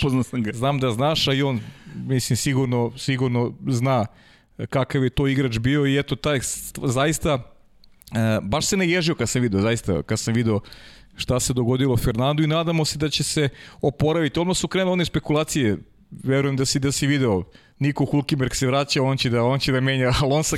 Kad god se nekom nešto dogodi, ja sad možemo se smemo, pošto je sve ispolo kako treba na kraju. Kad god, se, kad god je neka drama, odmah je Niko taj koji je prva zamena. Kao, naš, ne znam da li je to više dobro za Nika ili pa, loše, ne znam, ali ne svaki znam ja put je bilo jest. priče o tome, evo ga Niko. Evo ga spremi Niko, se. da, spremi se Niko, Još Renault, uskačeš. To je da. Alpina, mada ne, sad mora da rebrandira i kacigu i promeni boje. Pa da, navodno, navodno će biti spreman Fernando za početak sezone. Sad držimo figi da to bude, ali definitivno ova epizoda mu nije trebala u momentu kada se vraća, kad mu treba pun trening, kad mu treba maksimum fokusa, ovoga je sigurno malo izbacilo, ne, mislim, definitivno ga izbacilo iz takta, to, to nema dileme. Kad doživiš takvu nesreću, Mislim, dobro je prošla na kraju, to je, dobro to je neka prošlo. suština, da. To, to jeste pojenta cele priče. Srećni smo i kada pogledaš, bit će na, na, na, na, stazi, reći na terenu, bit će na stazi čovek, bi, dvostruki šampion sveta Formula 1, od najboljih koji smo imali prilike da gledamo, uz Hamiltona koji je produžio ugovor, potvrđeno još sedam titula, će biti na stazi uz da. Kimi Raikkonena koji smo znali da će voziti i naravno uz Sebastijana Fetela, koju eto čekamo da vidimo u tim novim bojama, za sada nas zadirkuju uglavnom novim bojama, ali mi smo spremili nalepnice sa novim bojama Aston Martin ekipe, I tako. Da, to, to smo morati predstaviti ponos. E, gledao sam za majice, McLarenove vesti idu ovako. Novi bolid smo predstavili, ovo su naši novi vozači, kupite naše majice. Evo ga Ivan, kako sam izgovorio majice, pojavio se, ušao je nazad. Ka, kako je čuo, kupite naše majice, eto i njega. Evo ga, počeli dolazi sa, kaže šta, zašto opet, šta kupite radite. Kupite naše majice. Izvinjavam ja, se svima. Ja, to je dobra poruka. Vi koji ste naručili majice da znate, oni stižu, nemojte da brinete. Nemojte da znači, da brinete. Malo ste čekali, ali dolaze Jeste, 100%. Ja sam dobio ribanje, ozbiljno, ne zamerite, rekoh već. Pa dobro, okej, okay, dešava se. Kako to sam ja zamislio, mi smo to naručili, to stiže, to je, to je sve. Onda su mi objasnili gramaža, pamuk, boja, etiketa, kroj, veličina, broj, rekao dobro Ivane i onda sam rekao, evo, pametniji čovek od mene to preuzima i to je to. Ja ću da budem lepo lice. Sve. Okay. Izazvao sam salve smeha iza kamere, ako niste drugo. U svakom slučaju, idemo nazad mi na Alpinu. Ono što mi je takođe zanimljivo, držimo palčetu da, će, da ćemo vidjeti u najboljoj formi Fernanda Alonsa, jeste da Alpina je saopštila nešto isto vrlo zanimljivo, I Luke Smith je pisao o tome pre nekoliko dana, a to je zapravo o Kini. I Guan Yu Zhou, koji je najveća nada da ćemo vidjeti kineskog vozača uh -huh. trajno u Formuli 1. Zanimljivo je bilo iz te perspektive što se oglasio zapravo direktor Alpinine trkačke akademije, to je vozačke akademije, Mija Šarizman, koji je rekao da je koji, koji nekako veruje u taj projekat. Pre tri godine su započeli projekat sa Žom i pogotovo za iz te perspektive koliko je to važno veliko tržište. Interesantno je da nemamo, ali prosto pokazuje koliko je kultura trkanja važna. Dok stvoriš, dok generacije moraju sada da prođu, dok se ne pojavi tako, tako, tako neko lice novo koje je dovoljno dobro za Formulu 1. Imaće podršku, tako mi je to bilo zanimljivo, da. pogotovo kada pogledaš i nova rebrendiranja i pozicioniranje Renault grupe. A I, dobar je zaista. Jeste dobar. dobar I kako ti se dopao on u završnici Sjajan, sezone? Da, baš mi se dopao, da. Pa pričali smo o tome, baš je, nije možda dobro počela godina, ali dobro, oscilacije su za mladog čoveka ovaj, nekako idu, znaš, uz neku mladu osobu koja je stasava, koja uči, koja želi da napreduje, teško je da, da, da ima neku konstantu. Ovo nije, realno je nije imao, ali je pokazao u drugom delu sezone da kad se oslobodio i neko pritiska i stresa, kad je u stvari, kad je u stvari spoznao da neće biti tako brzo deo projekta Formula 1. I, jasno mu je rečeno to, to iz Renaulta i onda je to trebalo malo vreme da slegne, da, mu, da obradi te informacije u svojoj glavi i da se prepusti prosto onome što trenutno radi i to je radio zaista na, onako na pravi način i neke trke koji su bile spektaklo, neka njegova preticanja kojima smo se divili zaista. Sveći da smo onako i čak i ustajali sa, Jesmo. sa svojih mesta ono kada Žou krene da pretiče dvojcu u istom momentu, što zaista je impresivno. Poslednje baš trke ima, su... Baš ima taj neki trkački nervi i, i, i onako do daske uvek ide Poslednje, izvini, poslednje dve trke u Bahreinu, i sprint i glavna trka, Jest. meni su bile super, to je glavne i sprint, drugi i četvrti. Ono što mi je zanimljivo, krenuo je sa Uni Virtuosi, Virtuosi Racingom, Jest. nastavlja naredne godine sa Virtuosi Racingom, čisto da ubacimo tu informaciju, ko je drugi vozač za 2021. Filipe Drugović. Inače, Drugović čovjek izgovori u intervju. On je, on je, on je, okay. on je iz MP Motosporta prešao Jeste. u Virtuosi tim. Pa, Glavni I, sponsor mu je, je, je sama porodica Drugović bila. Jeste, ali, ali i MP Motorsport je, je dobra ekipa, međutim Jeste. Virtuosi tim je, je, je baš jak kvaliteta tim i može žovo da moguće se bori za titulu naredne godine. Da, i to će biti zanimljivo vidjeti taj tandem, inače pod brazilskom zastavom vozi Drugović, Drugović da. to tako, ali mi ga pratimo s, s obzirom na činjenicu da vuče korene sa ovih prostora. Ono što, čisto da napomenuo, MP Motorsport Lirima Zendelija će imati ove godine i još ne znamo ko će biti drugi vozač. Da. A prva trka, nemojte zaboraviti, kada je prva trka Formula 1, tog istog vikenda kreće i Formula 2 šampionat sveta. Ove kreće, godine osam trkačkih vikenda. vikenda. Da, kreće, kreće bukvalno sve i Moto Grand Prix kreće tog vikenda, tako da kada uđemo u kabinu... Vište, život na točkovima, to je to. pa, pa da, 76 krugova. A, klasika. Znaš da nam se bliži, za pet emisija 76 i Lab 76, a onda nam dolazi Lab 76 77, specijal posvećen Kimi Raikkonenu i Valteriju Bottasu, tako smo rekli. Sve okej. Okay. To ovo, e, ovo je Rajkonenovski stil bio. Čekaj. Dragari, Nema šta samo obezbedite sladoled i Da, sladoled. obezbedit ćemo Od- od, od, sladoled. od malih nogu sam volio sladoled. pa jo, bez brige. Da, inače, kao što smo rekli, po poslat je, sad ćemo, imamo molbu Vanja, šaljem ti e-mail na koji treba da se pošalje Zoom, pisao je Boži, na Boži da mu pošaljemo. Inače, Boži ima svoj website, hunable.com, tako da i to možemo da Boži. ispromovišemo. Bo, Boži je legendarna osoba. U svakom slučaju, idemo natrag na idemo natrag na, na, na, na, na neka druga zbivanja, a rek, ajde, da iskoristimo možda priliku samo da kažemo o čemu ćemo pričati, NASCAR, moramo da spomenemo, pričat ćemo, analizirat ćemo sa Božim, međutim 500 milja NASCAR nekako uvek za nas početak godine. 500 milja Daytone, da. Daytone, nas, Da. NASCAR-a, okej. Okay. Uglavnom, NASCAR je uglavnom na 500 Uglavnom je milja, na da. 500 milja. ali ovo, ovo je Daytona. Ima 600 milja, ali dobro. Ima 500 600, milja da. Daytone, to je zanimljivo u kontekstu NASCAR-a što je to najveća trka koju imate u šampionatu, A prva. a prva. To se nigde ne dešava osim Nigde. u NASCAR-u. Nigde. I to vam je trka nad trkama. Sve pripreme se obavljate u predsezoni sa ciljem da pobedite na Daytoni i onda I, kreće I sezona. zašto ćemo to sa Božijom posle da obradimo, što se, mislim, šesti put u istoriji dogodilo da je neko prvi put u karijeri pobedio baš na 500 milja Daytone. Što, eto, znači kolika je istorija Naskara, ovo je tek šesti put u istoriji da čovjek prvi put u karijeri pobeđuje u Daytoni. Ne tako davno imali smo i petog, pošto je to bio, čini mi se, Austin Dillon, ali se nisam baš siguran, ali provjerit ćemo kasnije sa Boži.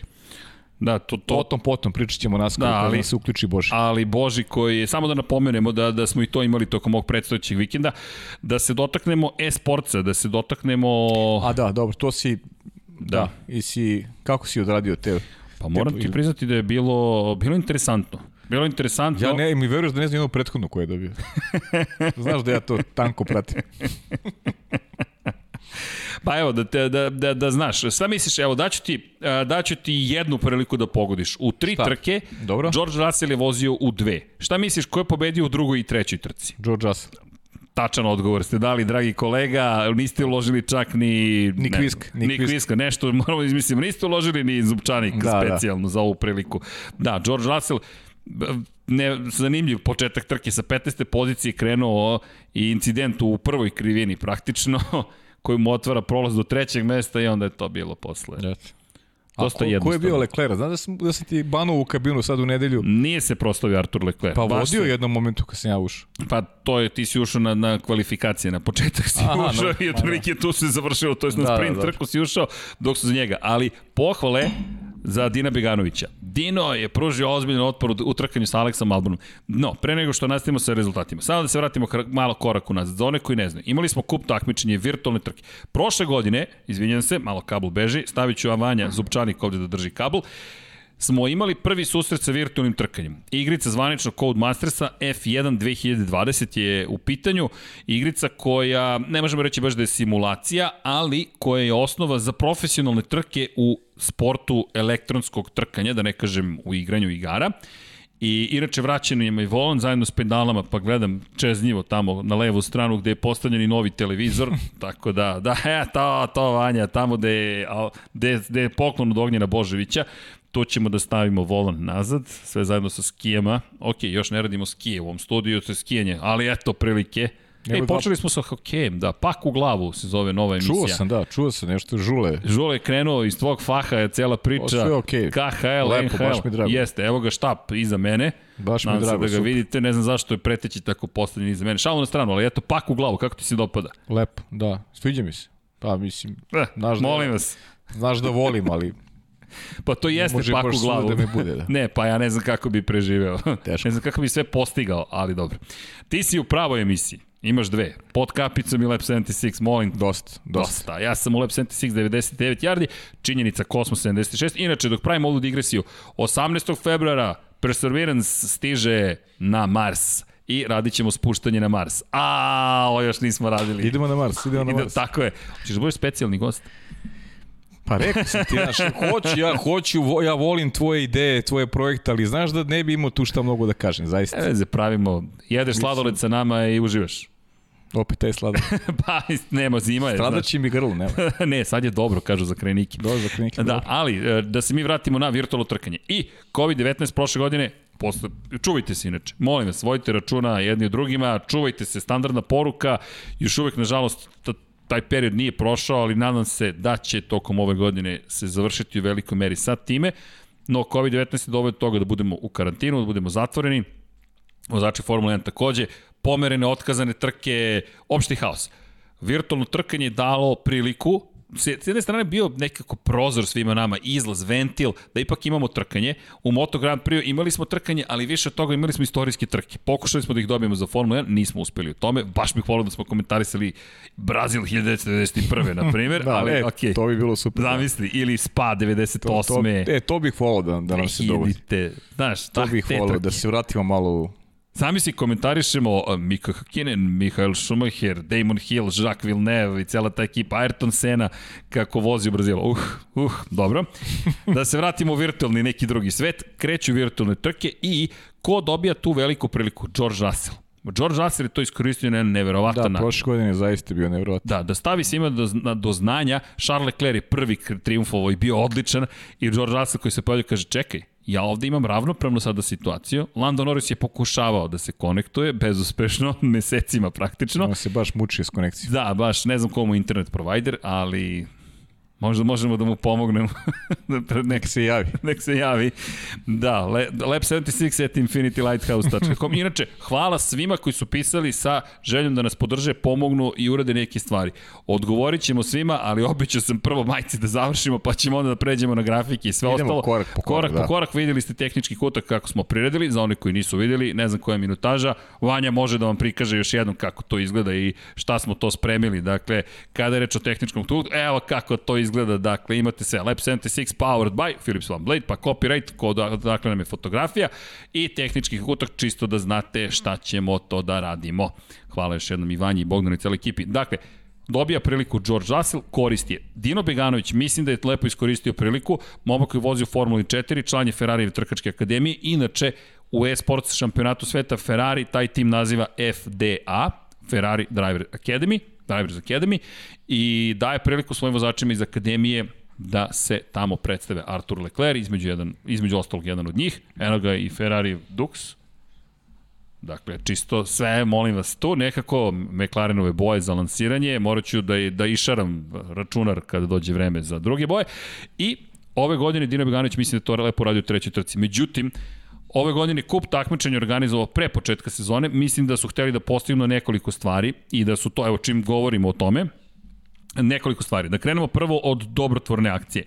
Dakle, svaki tim je imao, vozači su predstavili timove, zašto? Iz perspektive vozača ne mogu da učestvuju nužno u svakoj trci, imaju svoje odmore, svoje obaveze i nisu uvek dostupni ili imaju problem sa konekcijom, kako god.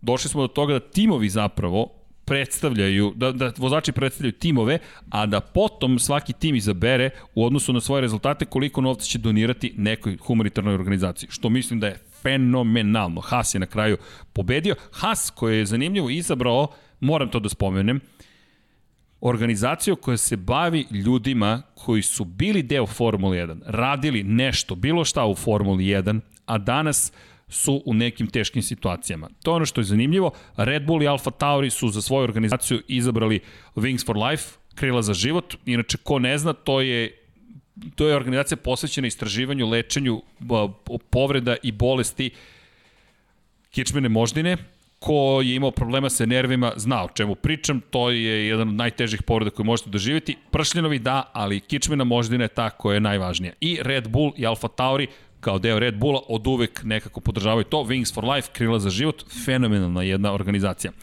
Ono što je, što, što, što je reći kada je reč o, o Haasu, Grand Prix Trust je u pitanju. Dakle, to je jednostavno trust u koji se ulože novac kako bi se pomoglo ljudima koji, eto, u ovom momentu sebi ne mogu da možda priušte jedan jedan život koji rekao bih svako ljudsko biće zaslužuje i Haas je dodelio 20.000 dolara, zaista fenomenalna stvar. Mind je u pitanju za McLaren, Možda se sećate prosto i te kampanje koje su imali Carlos Sainz prošle godine i Lando Norris, koristimo ovu priliku jer je nekako duhu i vrednostima koje mi promovišemo u Infinity Lighthouse-u. Februari, pomozite nekom uvek, koji god da je datum, vreme, koji god da je moment i gde god da ste, uvek podržavajte jedni druge, eto to je neka, neki apel. Inače, Nacionalna asocijacija za mentalno zdravlje u pitanju, NAMH u Velikoj Britaniji u pitanju i iz te perspektive podržava, McLaren podržava njih. Mercedes je podržao, ovo nismo stigli da izgovorimo tokom prenosa i sada koristim Lab 76 kao priliku, zašto? Istraživački centar za, za borbu protiv Alzheimerove bolesti i Velike Britanije je dobitnik para Mercedesa. Opet, kada je reč o Alzheimeru, kratka preporuka, bavite se aerobnim treninzima, to je nešto što je potvrđeno da pomaže. Sve nas godine stižu na ovaj ili onaj način, pa eto način na koji možete sebi da pomognete. Williams takođe pokušao da pomogne povredama kičmene moždine, negdje i logično s obzirom na činjenicu da je povredu kičmene moždine teško doživeo i osnivač ekipe Williamsa, Frank Williams, i u pitanju je asocijacija u Velikoj Britaniji, SIA takozvana. Kada je reč o Alfa Romeo i Ferrariju, spasite decu, to je švajcarska organizacija, to je globalna, rekao bih da dovoljno govori sam naziv. I kada govorimo o Alpini, Alpina je takozvani talent tap podržala i ono što je pitanje bilo jeste koliko ljudi talentovanih znate koji ne mogu da se probiju nekako u svet zaposlenih, uslovno rečeno, i činjenica je da je taj takozvano tržište rada dosta zahtevno svugde u svetu i Alpina je tu htela da pomogne. Eto, iskoristih prvo to da kažemo, čemu je trebalo da služi ovo trkanje, nekako imamo utisak kao da od svog trkanja najmanje se pričalo o tome, a da bi trebalo, to nije zamerka, prosto kao da smo svi zajedno propustili priliku pošto je sve tako spakovano bilo. Druga stvar, imali smo priliku da vidimo, sad sam shvatio to, sprint trkanje kao kvalifikacioni format za glavne trke, test, ne sviđa mi se nužno što smo bili baš pokusni konići, ali ok, to je način da prikupite podatke. Druga stvar, da se predstavlje, da se predstave vozači iz Pro serije. Idite na e, f1esports.com, Vanja, podsjetnik, molim te da ubacimo i taj link negde u potpis. Zašto? Pa tu možete da vidite zapravo momke koji su, koji su zaista fenomenalni. I, i devojke. Poenta je da kada govorimo o, o, o možemo reći trkanju, ovo nije klasično trkanje, ali svakako je mesto gde možete da vidite koliko pro, profesionalno bavljanje bilo čime može vas pretvoriti u eksperta i eto, iz te perspektive se nadam iskreno da ćemo češće gledati e-sport takmičenja, možete to da pratite i na našem specijalnom kanalu, to je na našem, da nemamo mi još kao Infinity Lighthouse, ali sam svoj Atom Sport klubov, kako god, imaćete takođe još jednu zanimljivu situaciju i kada je reč o virtualne veliko nagradi sledećoj. Austrija, Velika Britanija, Brazil su već prikazani. Mogli ste tome da, da, da, da, da, da uživate. Kada krene zvanični deo sezone, potrudite se malo, imate prostora gde to da pratite. Zašto? Pa kažem, fascinantno je vidjeti te, te, te vozače. Upoznali smo ih, pričamo često o njima. Ovo je bila prilika, prošle godine su nekako pro, pre, te, te kompletne trke u kojima su profesionalci preska, preskakane, sada se to nije desilo i konačno naravno da vidite neke slavne ličnosti kako se trkaju i da se vratim na dvostrukog pobednika George Russell u šest poslednjih trka u kojima je učestvovao, šest pobeda za redom u virtualnom trkanju. Ih, Pavle, dadoh ja izveštaj ceo. Jesi, da. Ali morao sam. Iscrpan, iscrpan je bio. Morao da, izveštaj, da. Da ispoštujemo sve ono što je učinjeno. I možda napišeš posle to što si rekao. Ne, ali Šalis. mogu nešto slično. pa mogu da, da, da poslušam pa, samog ali, sebe. Lepo si rekao, prošle godine smo to radili. George Russell je iskoristio najbolje onako priliku da se da sebe onako predstavi makar i kroz to, kroz to virtualno trkanje u najbolje mogućem svetlu. Pa mu se cela godina je krunisana i, i šansa koju je dobio u Bahreinu da pokaže koliko može za upravljače Mercedesa i definitivno jedan od onako momaka koji će obeležiti neku budućnost u, u istoriji ovog sporta i ti znaš moj stav kada, kada pričamo o igricama, ali definitivno uh, u nedostatku nekih pravih takmičenja 2020. godinu, ako je neko iskoristio na pravi način, onda je to bio George Russell. I lepo smo se i zabavili i lepo nam je on pokazao da da ima da ima potencijal. Mislim i tu možda se vidi i to je neki i to je neko znanje. U krajnjem slučaju. Tako da to je to, nema šta drugo ti kažem. I to me nadovezuje na početak priče Dino Beganović. Dino Beganović, da. Dino Beganović, Dino Beganović. pišemo mu ove nedelje sa zahtevom za intervju. Dino Beganović koji je nije se popeo na pobedničko postolje, ali impresionirao... Ko je bio? Čet, četvrti. Četvrti, ja. Četvrti, ali nije mogao. Znaš kako, borio se protiv Albona i borio, borio. Pazi rečenicu, Beganović protiv Albona. Alex Albon koji je vozio prethodne dve godine u Formuli 1, sada je rezervni vozač ekipe Red Bulla, vozit će u DTM-u. Ne znamo šta ga čeka u budućnosti, ali opet Dino dobija pred cijelim kompletnim auditorijumom koji se za, interesuje za Formula 1 priliku da se predstavi. I to je lepo učinio. Ne, nije bio na nivou kojem Albon, ali kao što Russell u svojim prvim trkama u virtualnom trkanju nije bio na tom nivou, pa je puno vežbao. Pa da, čak i ovo, čak i ovo neki plus za to samopouzdanje, znaš, i, ipak Jeste. ti imaš za rivala neko ko ima neko ime i Pa, pa i, i, i to je neka, neka mala pobeda koju onako koju, koju glava pamti i, i koristi za, za, neke, za neka nova iskustva u onome što, što tek treba da dođe kroz, kroz, kroz tu profi karijeru koja bi po nekim procenama trebala da bude uspešna, a vidjet ćemo kako će se, kako će se dalje razvijeti. Dino Beganović. Da, Dino Beganović, pratimo ga, pratimo ga. Moba koji vodi porekli iz Bosne i Hercegovine, moba koji vodi, vozi pod švedskom zastavom, ali eto, pristrasno se, morate pristrasno da bio krajnje pristrasan da. i, i rekao sam, i, nadam se da može na pobjedičko postati. To je, to je, znaš kako, kad pričamo, kad pričamo o tim, tim virtualnim trkama, seti se Naska prošle godine, ko, ko je bio onako, i tebi i meni najsimpatičniji u Naskaru, ko je Timmy Hill, koji je zaista bio sjajan, a Timmy Hill prva trka imao je 10 krugova za ostatke već u 60. krugu.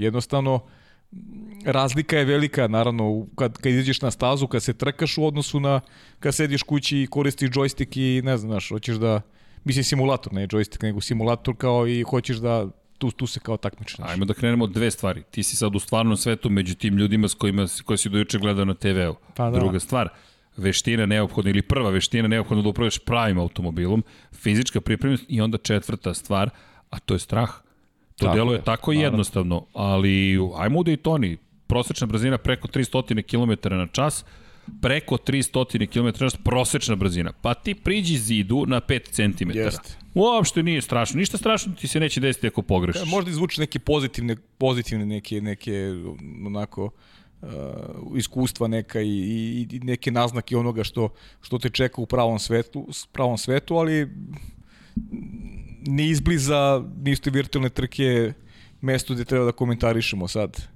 e, ko je šta je, ali, ali da, da je recimo Russell, ono što smo, što smo rekli već, da je izvukao neka, neka lepa iskustva i da je najavio ono što, što je njegov potencijal, pa eto i kroz tu prizmu. Prosto on sa Williamsom nije mogao da napravi nešto što, je veliki rezultat, nešto bi privuklo pažnju kod ljudi. Ja. Zato meni interesantnije bila prošla godina, jer u tom momentu nemamo ništa što što možemo da pratimo. Ove godine već mi malo bilo drugačije. Meni već nije bilo zabavno, iskreno. Tebi jeste, znam. Vidi, meni je uvek zabavno. Meni je uvek, ali uvek zabavno. Ali dobro, to je ipak igranje igrica. Da, da iskoristimo priliku sada, tu smo negde na sat i po, da odgovorimo na pitanja. Ajmo na pitanje, da. Ja mislim da bi to bilo više nego pozitivno. Dakle, ko nas prati, ko je tu ili, sa nama? Ili ako hoćete još neku temu da... Dobro, Dimo, ako smo nešto mi smo promašali, na raspolaganju. Ako ste videli neku vest koju, koja iz vaše Google-a zavređuje pažnju, pa izvolite. Da, dakle, to smo, pa evo, da odgovorimo. Vidi se da Paja voli e-sports isto koliko i te električno trkanje. Da. pa je budući virtualni driver. Pa... Šale sad Vidi, na Pine samo polako. Nikolem, dosta o bolesti pričati o sportu. Da, sport, ali pričamo o bolestima o tome da nekako podržimo, to jest svi zajedno da podržimo jedni drugi. One su, nažalost, sastavni deo života, no da se kroz sport nekako e, motiviše izbori. Evo, momčilo lepo kaže, ako možete spomenuti Filipa Jenića, mladog srpskog vozača koji će voziti u Formuli 4, šampionatu Španije ove sezone za ekipu Teo Martin. Filip je višestruki karting šampion Srbije, a 2019. je bio deseti u svetskom karting šampionatu. Lepo, hvala Upisano, momčilo. hvala. Bilo je tekstova o Filipu, činjenice nekako smo ga preskočili neopravdano i potrudit ćemo se eto da ispravimo tu grešku. Hvala. Inače, pisao je i GP Balkanci su pričali o tome. Inače, Đorđe Šarac kaže, dugujete nam Igora Jagličića. Okej, okay. Tu, Igor, da. trebalo je da nam dođe, pa nije došao, nije Jarane, mogao. Pa, Jarane. Tako je. Do, Češ doći Jarane. Potrudit ćemo se. Da li će timovi primenjati nove sisteme koji će biti obavezni da primenjuju od 2022. Na koje konkretno sisteme sada mislite, moram da pitam na šta se tačno odnosi. Imali pralice negde na vidiku. Pralica, pazite... E, danas sam ga čuo. Da, ali, ali znaš šta se dešava? Danas sam ga čuo, da. Pralica trenutno je Wish and Go, je postao pra and go pošto je Viško, nažalost, nije dostupan, ali je zato uskočio Bane Pralice, možete li pratiti više Nisam ni znao to, da, da, da, da, danas smo se čuli. Da, da, da. Možete li da napravite predviđenje u poredku vozača za 2021. pita Aldin. Da, možda napravimo. Poređe, poredak vozača. Poredak mm. vozača za 2021. Znači šta da, da prognoziram? Šta će, da, da prognoziram. Pa ne bih da prognoziram, ali kandidati za titulu su... Je jedan. Je jedan, da. Max iza njega, to je, eto, to je. I tu mi se priča završa kada govorimo o kandidatima za titulu. Ali jedan u suštini, da. Da, jedan. Ne ja moram ti priznati da i vidim Luisa Hamiltona kao favorita. Opet, prva trka, prva trka, prva trka biće toliko važna da saznamo da li zaista je Ferrari napredovao, da li je Red Bull zajedno sa Hondom učinio ono što nije uradio prethodnih godina, a to je ne samo sa Hondom, što ne radi već skoro celu decenu dere Sebastijana Fetela i atmosferskih motora, a to je da bude konkurentan u prvoj polovini sezone. Da. I treće pitanje, da li Mercedes ima bilo kakav problem sa motorima ili ne. Tako je. Jer to može uticati i na njihove korisnike, mušterije. To može uticati na, kao što je Ferrari uticao na sudbinu Alfa Romeo prošle godine, nemojte to zaboraviti, na sudbinu Hasa, nije uticao samo na svoju sudbinu. Ukoliko Mercedes nekim čudom ima problem, to onda utiče i na McLaren, utiče i na Aston Martin i učini, utiče na Williams. Koliko god Williams ne igrao veliku ulogu, ali ove tri ekipe su vrlo, vrlo važne u cijeloj toj priči. E, hoću, e, ajde da uradimo nešto, znam da, da, znam da hoćeš da, da, reklam, da reklamiramo momke, pisali su nam uh, Marko Peš konkretno. Dobro. Uh, uh, kaže, javljam se nadu da, da, da, da možete pomoći u pitanju da je nastala F1 liga na PC platformi. Okej. Okay. E, kaže, još uvek se razvijamo i bilo bi lepo da nas podržite, hoćemo da vas podržimo. Nek baci da, link u četu. Tako je, stranica F1 Esport Balkan i eto, to je to F1 Esport Balkan. Esport Balkan, tako je. ili... E, F1 Esport Balkan nema da li ima .com, F1 Esport Balkan mogu da se pronađu verovatno, pa... Evo, googlat ćemo. Eto, zapratite momke i Želimo vam sve najbolje, naravno. Pa podržat ćemo svaku ligu. Tako je, da sve, sve podržavam. Balkan F1 e-sports liga. Da, Balkan F1 e-sport. Ne, ne, e-sport Balkan. E F1 e-sport Balkan, da. Okej. Okay. I nešto to je Instagram, našao. valjda, Instagram. A to je Instagram? Da, da. Dobro. Eto, to je to. Marko, držimo pestice, neka bude sve kako Eto, treba. Pošaljite link pa ćemo i to. Dugujete nam Zorana Živkova. Stiže gospodin Zoran da. Živko, mada sledeće nedelje, ja se iskreno nadam, iako još nije čovjek potvrdio, ali smo nešto pričali, Pa nam neće biti tu sledeće nedelje, odmah da vam najavim. Zašto? Pa Ja mislim da da, da, da, da ponekad Mora može da se odmori. Da se napune malo baterije. Tako da. je. Ali Filip Đorđević, ja se nadam da će nam se pridružiti. Filipe, evo, dakle, pisao mi je Filip. Pa da, i Filip se javlja, mi se povremeno dopisujemo kad ja uspem da odgovorim, ali hoćemo da najavimo sledeće nedelje i novu sezonu Formule E, koliko god moj dragi kolega sa desne strane ne bio uh, pristalica ili ljubitelj, činjenice se radi u svetskom šampionatu i da treba da najavimo Formulu E na pravi način. Naravno, bavit ćemo se i Formulom 1, a Zoran Živko nadam se da nam dolazi pre nego što počne sezona. Tako, obavezno. E, Bogdan, e, pazi, još jedno pitanje, kaže Bogdan, u stvari ovo je više molba. Uh, I, izvinite, kaže, samo vas pita za ove nalepnice, želio bi Aston Martin, pa koja procedura? Koja je procedura? E, pro, pro, procedura, uz, evo, pokazuju mi, javljaju se, svi su dižu ruke da mi jave kakva je procedura. E, inače, svako ko kupi majicu na poklon dobije i nalepnice, tako da znate. A što se tiče samih nalepnica, nismo baš izmislili neku preciznu proceduru, moram da vam priznam. Evo, pokazuje mi šef komercijale uz majice. Aha. Eto, dobili ste, informa dobili ste informaciju iz prve ruke, a ukoliko nađemo neki jednostavni način, obavestit ćemo vas. Zvako tome, inače, majice, evo malo reklami za nas, infinitylighthouse.com, imate samo jedno dugme na koje možete trenutno klikati, zove se shop ili ti prodavnica. Da. Pa eto. Evo, Pavle Njemec kaže, da li bi sprint trke bile zanimljive ako se dozvoli da se koristi pu potencijal motora, da se ne štedi gorivo i gume? Uh. Pozdrav za, za sve. A bile Hvala. bi sigurno zanimljive. Nije problem uopšte u samoj Tako sprint je, trci kao sprint trci.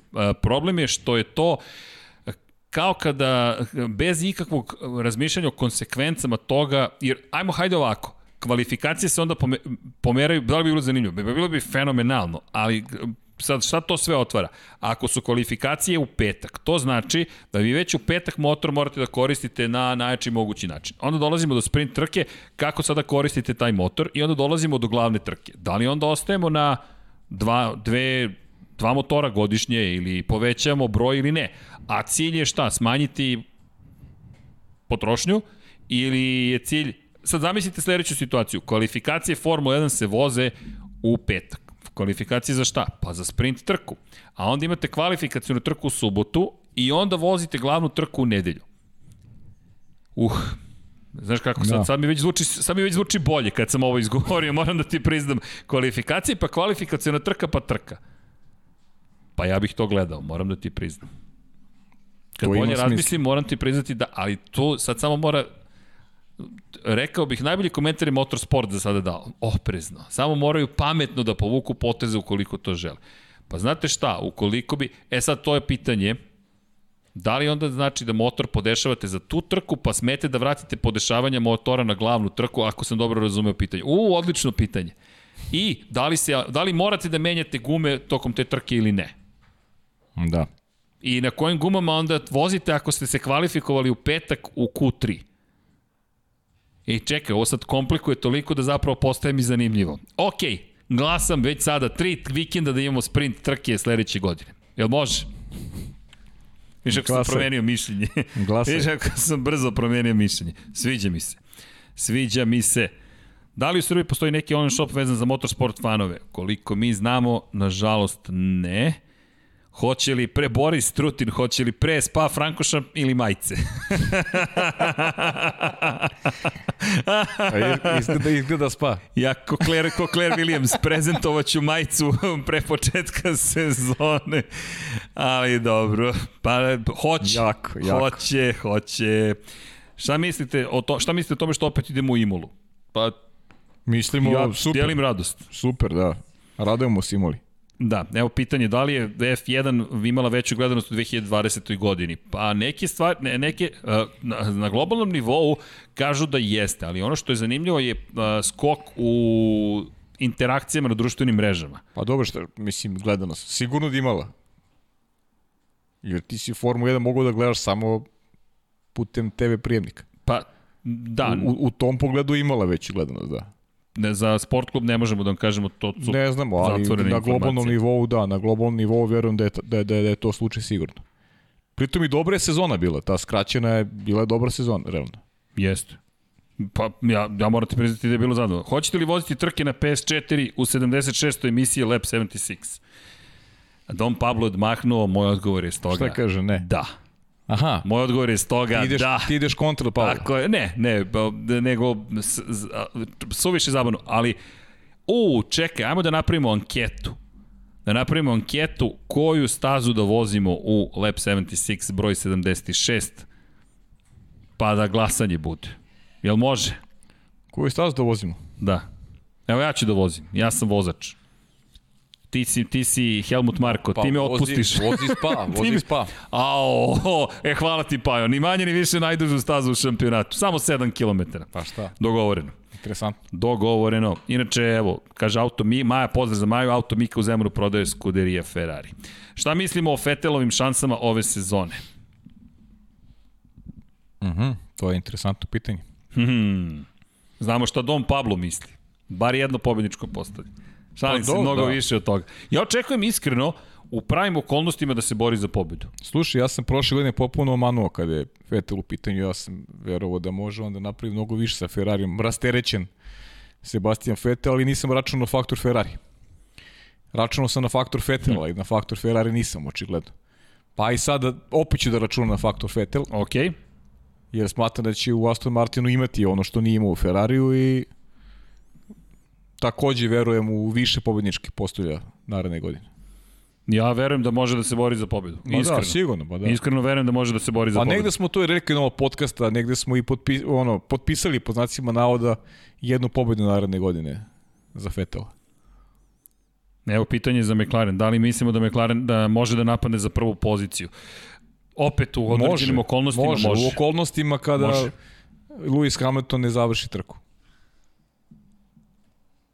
Tada, da. tada svi mogu da se bore za pobedu. Da. Ako se vratimo nazad i na Perezov triumf, ako se vratimo e, i na Tursku... Kad, kad kažem svi, ja, ja mislim da Luisa Hamiltona jedan vozač može da pobeđuje na stazi. I kada u pitanju taktika, taktička priprema ekipe i sposobnost vozača. Mislim da jedan čovek u, u, u šampionatu je donekle ušao u glavu Luisa Hamiltona. I da bi to bilo pravo rivalstvo kada bi imali uh, identične uslove. Mislim na Maxa. Mislim da je Max sposoban da ga pobeđuje na stazi u kontinuitetu. Dobro. Ricardo inače se ovde postavlja, faktički kaže Don Corleone, zanimljivo, je sada pod Mercedesom, veza je tu, da li će možda preći 2022. Mercedes Ej, izvini, sa samo, kad kažem, kad kažem Max, mislim to, mislim to i na Fetela, naravno. Ali Maxa neko ističem, pitanje Aston Martin koliko može, zbog one stare priče vezano Mercedes, Mercedes i tako dalje, zato apostrofira Maxa Verstappena. Naravno da, da je Sebastian Vettel neko možda pobeđi Lewis Hamilton, to je ostalo mi dokazao u prošlosti ali Maxa vidim kao najvećeg rivala Luisa Hamiltona. Da, razmišljam baš o tome, ko bi još mogao da, da kažem, Charles Leclerc čekamo, čekamo, čekamo Ferrari, ja, naš, čekamo Ferrari. Ne možemo da se čekamo. bavimo tu prognozama. Da, da, ali to, to, to čekamo. Da, zatim, hoće li biti repriza starih trka na sport klubu? Pa nekih će biti, ali nekih tih starih, starih antologijskih, istorijskih bojim se da, bojim se da neće biti. To je, to je makar neka najnovija, najsvežija informacija koju imamo. Pitaj Paju kada će da pozove Igora Marković, ili može sledeće nedelje. Sledeće nedelje Filip nam dolazi najvjerojatnije. Ne, ne, da, pa dobro. Ali biće prilike. Biće Igor, naravno, biće prilike. potom. I, tek, mada, tek ne, ne, ne, sledeće, pa evo možda, možda ipak bolje sledeće nedelje. Najavljamo šampionat Formule E, I u skladu, sa, u skladu sa time, taman Igor da nam se pridruži. ne bi došao u dva života. Očekujem Red Bull da vam bude sponsor, to je realno iz više razloga, inače moje omiljeno piće, kaže Filip. Filipe, evo, mi čekamo, nema problema, dakle, ne, Mož, otvoreni smo za da sve vidove možeš saradnje. Možeš da im pošalješ i pismo preporuke, nije problem nikako. mi smo otvoreni za sve vidove saradnje iz te perspektive. Pozdrav za sve F1 manijak. Pretpostavljam da je to... A, čekaj, Martine. Martin nam se javio. Znaš šta se desilo? Ali to čeka Martin da nam potvrdi ili ne. Se sećaš lapsusa prošle nedelje? Bio prošle nedelje ili pretprošle? Kad je bio Martin? Pretprošle nedelje. Kako Predelje. Uh, F1 Mechanic je, je YouTube kanal i Dobro. znaš, znaš mog tatu i njegov je davni san da ima Speed Maniac časopis. I ja prošle nedelje, pretprošle nedelje kažem F1 Maniac je YouTube kanal i Martin kaže ne, F1 Mechanic. Umeđu vremenu, znaš kako se zove novi YouTube kanal? Naravno. F1 manijak, Na, bravo Martine!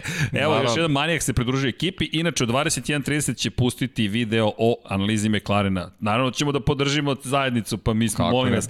Pa naš koncept je da, da napravimo nove timove, da napravimo... Martin, Martin pušta. Martin, Martin. Pa šta Martin znao to? gledao je tehnički kutak. Da, gledao je, te, gledao je tehnički kutak. E, pozdrav za Martina. Veliki pozdrav. Inače, da, veliki pozdrav. Da li u Srbiji postoji, to smo već rekli. E, hoćete li voziti, to smo isto rekli. O, to je pobegao mi je scroll, pobeže negde scroll. Koliko je potrebno da majica Lab 76 stigne na adresu? Oko 76 dana. Šalimo se, ne, ne, nije Nikola, bili smo, imali smo neki, ja sam napravio krešku, evo Ivan će me ustaviti u top, neću da govorim nešto drugo, Dom Pablo me odavno već stavio na crn, na, na spisak nepoželjnih u ovom studiju, e, kao što možete vidjeti, da, dobio sam i Fate to Black, ali činjenica sam ja napravio grešku, verujući da je dovoljno što smo naručili majice, da je to već završena stvar, a verujte, a ma, podlegao sam pritisku javnosti i požurio sam, šalu na stranu, ne, moja da, greška zato što si, ako sanjar, ti si sanjar yes, čovjek, ti yes. voliš da to bude sve yes. što pre da se završi, da, da se ne čeka, ok. Mislim. A kako si lep termin našao, hvala ti, ali to je činjenica da. i onda sam napravio grešku, prosto nisu bile spremne, ne da nisu bile spremne, nego je to ceo jedan proces koji, koji poznajem, ali nekako ti djeluje kao, ma to će sad da se desi samo, nova godina, pup, i to nije baš tako i eto, zato čekam, Dobro, čekam. tako da se ja zaista izvinjavam U svakom slučaju, F1 Master, a ne, ne F1 Mehanik, F1 Master je bio sad je manijak. Izvinjavam se, opet sam pogrešio, ali da, ali znam da moj tata voli rekao, speed manijak, da. sine, to napravite. A šta ako Bottas mora da propusti trku, pozmu vozača iz Mercedesa B, pa u Mercedesu postavlja Hamilton Vettel. Oh, oh, idemo teško, u teorije. Teško, znate šta, postoji velika razlika između pozicije u kojoj je George Russell u Williamsu i ekipe Williamsa odnosno na Aston Martin nemojte poceniti koliko je Aston Martin zapravo velika robna marka za početak. pod dva koliko su velike investicije u Aston Martin u poslednje vreme, koliko su ljudi koji upravljaju Aston Martinom takođe moćni ljudi, koji neće dozvoliti tek tako da im investicija ode u Mercedes i pet, šta bi to značilo za Mercedes? Mercedes sada promoviše šta, vozača Aston Martina Nema teorije da se to dogodi. Nema mm. teoretske šanse da se to dogodi. Drugo, koliko god mi govorili da je to Mercedes, nije to Mercedes, to je Aston Martin. I verujte da oni drže do svog nasledđa vrlo ozbiljno. Više će se baviti nekim drugim stvarima. Pitanje je šta će Aston Martin u budućnosti raditi. Za sada postoji ta ozbiljna saradnja sa Mercedesom. Postoje Mercedesovi interesi, Wolfovi interesi, Vettelovi interesi, konačno oni su suvlasnici u toj ekipi, ali da Sebastian Vettel uh, tek tako pređe Mercedes, ne. Drugo, uzmite obzir i njegovo, pre svega možda čak i njegovo samopoštovanje. To je četvorostruki šampion sveta Formula 1. To nije čovek koga zovete tek tako, e, ajde uskoči Mercedes. Taman da može da pobedi, a može u Mercedesu, reverend da bi rekao ne. Jednostavno morate da držite do sebe, do samopoštovanja. Nije sve u rezultatima, parama, čemu god. Ime i prezime, to je ono što imamo na početku i na kraju i mislim da iz te perspektive se nikada neće desiti da Sebastian Vettel, možda grešim, to je samo moje mišljenje, da će reći ok, dolazimo u Mercedes na taj način. Ako dolazi u Mercedes, moraju da razvuku crveni tepih i da ga dočekaju kako pa to, dolikuje. Možete postaviti onako i kontre pitanje. Šta ako ne može da vozi Vettel za Aston Martin, da li će onda da Aston Martin zamoli Mercedes da im pozimi Luisa Hamiltona? Pa, pa je, je, pričamo o dvojici velikih šampiona. To su veliki to, šampioni. To, to, je, to je isti, isti rang, to je ista da. kategorija. Tako da nema tu, ima Hamilton više titula, nije sporno, ali je isti rang vozača. E, ovo je zanimljivo. Da li očekujemo da će biti bolji, izvini, Aston Martin ili McLaren? Mislim da je to sjajno pa to je su, pitanje. Pa jest, da, jeste sjajno pitanje, ali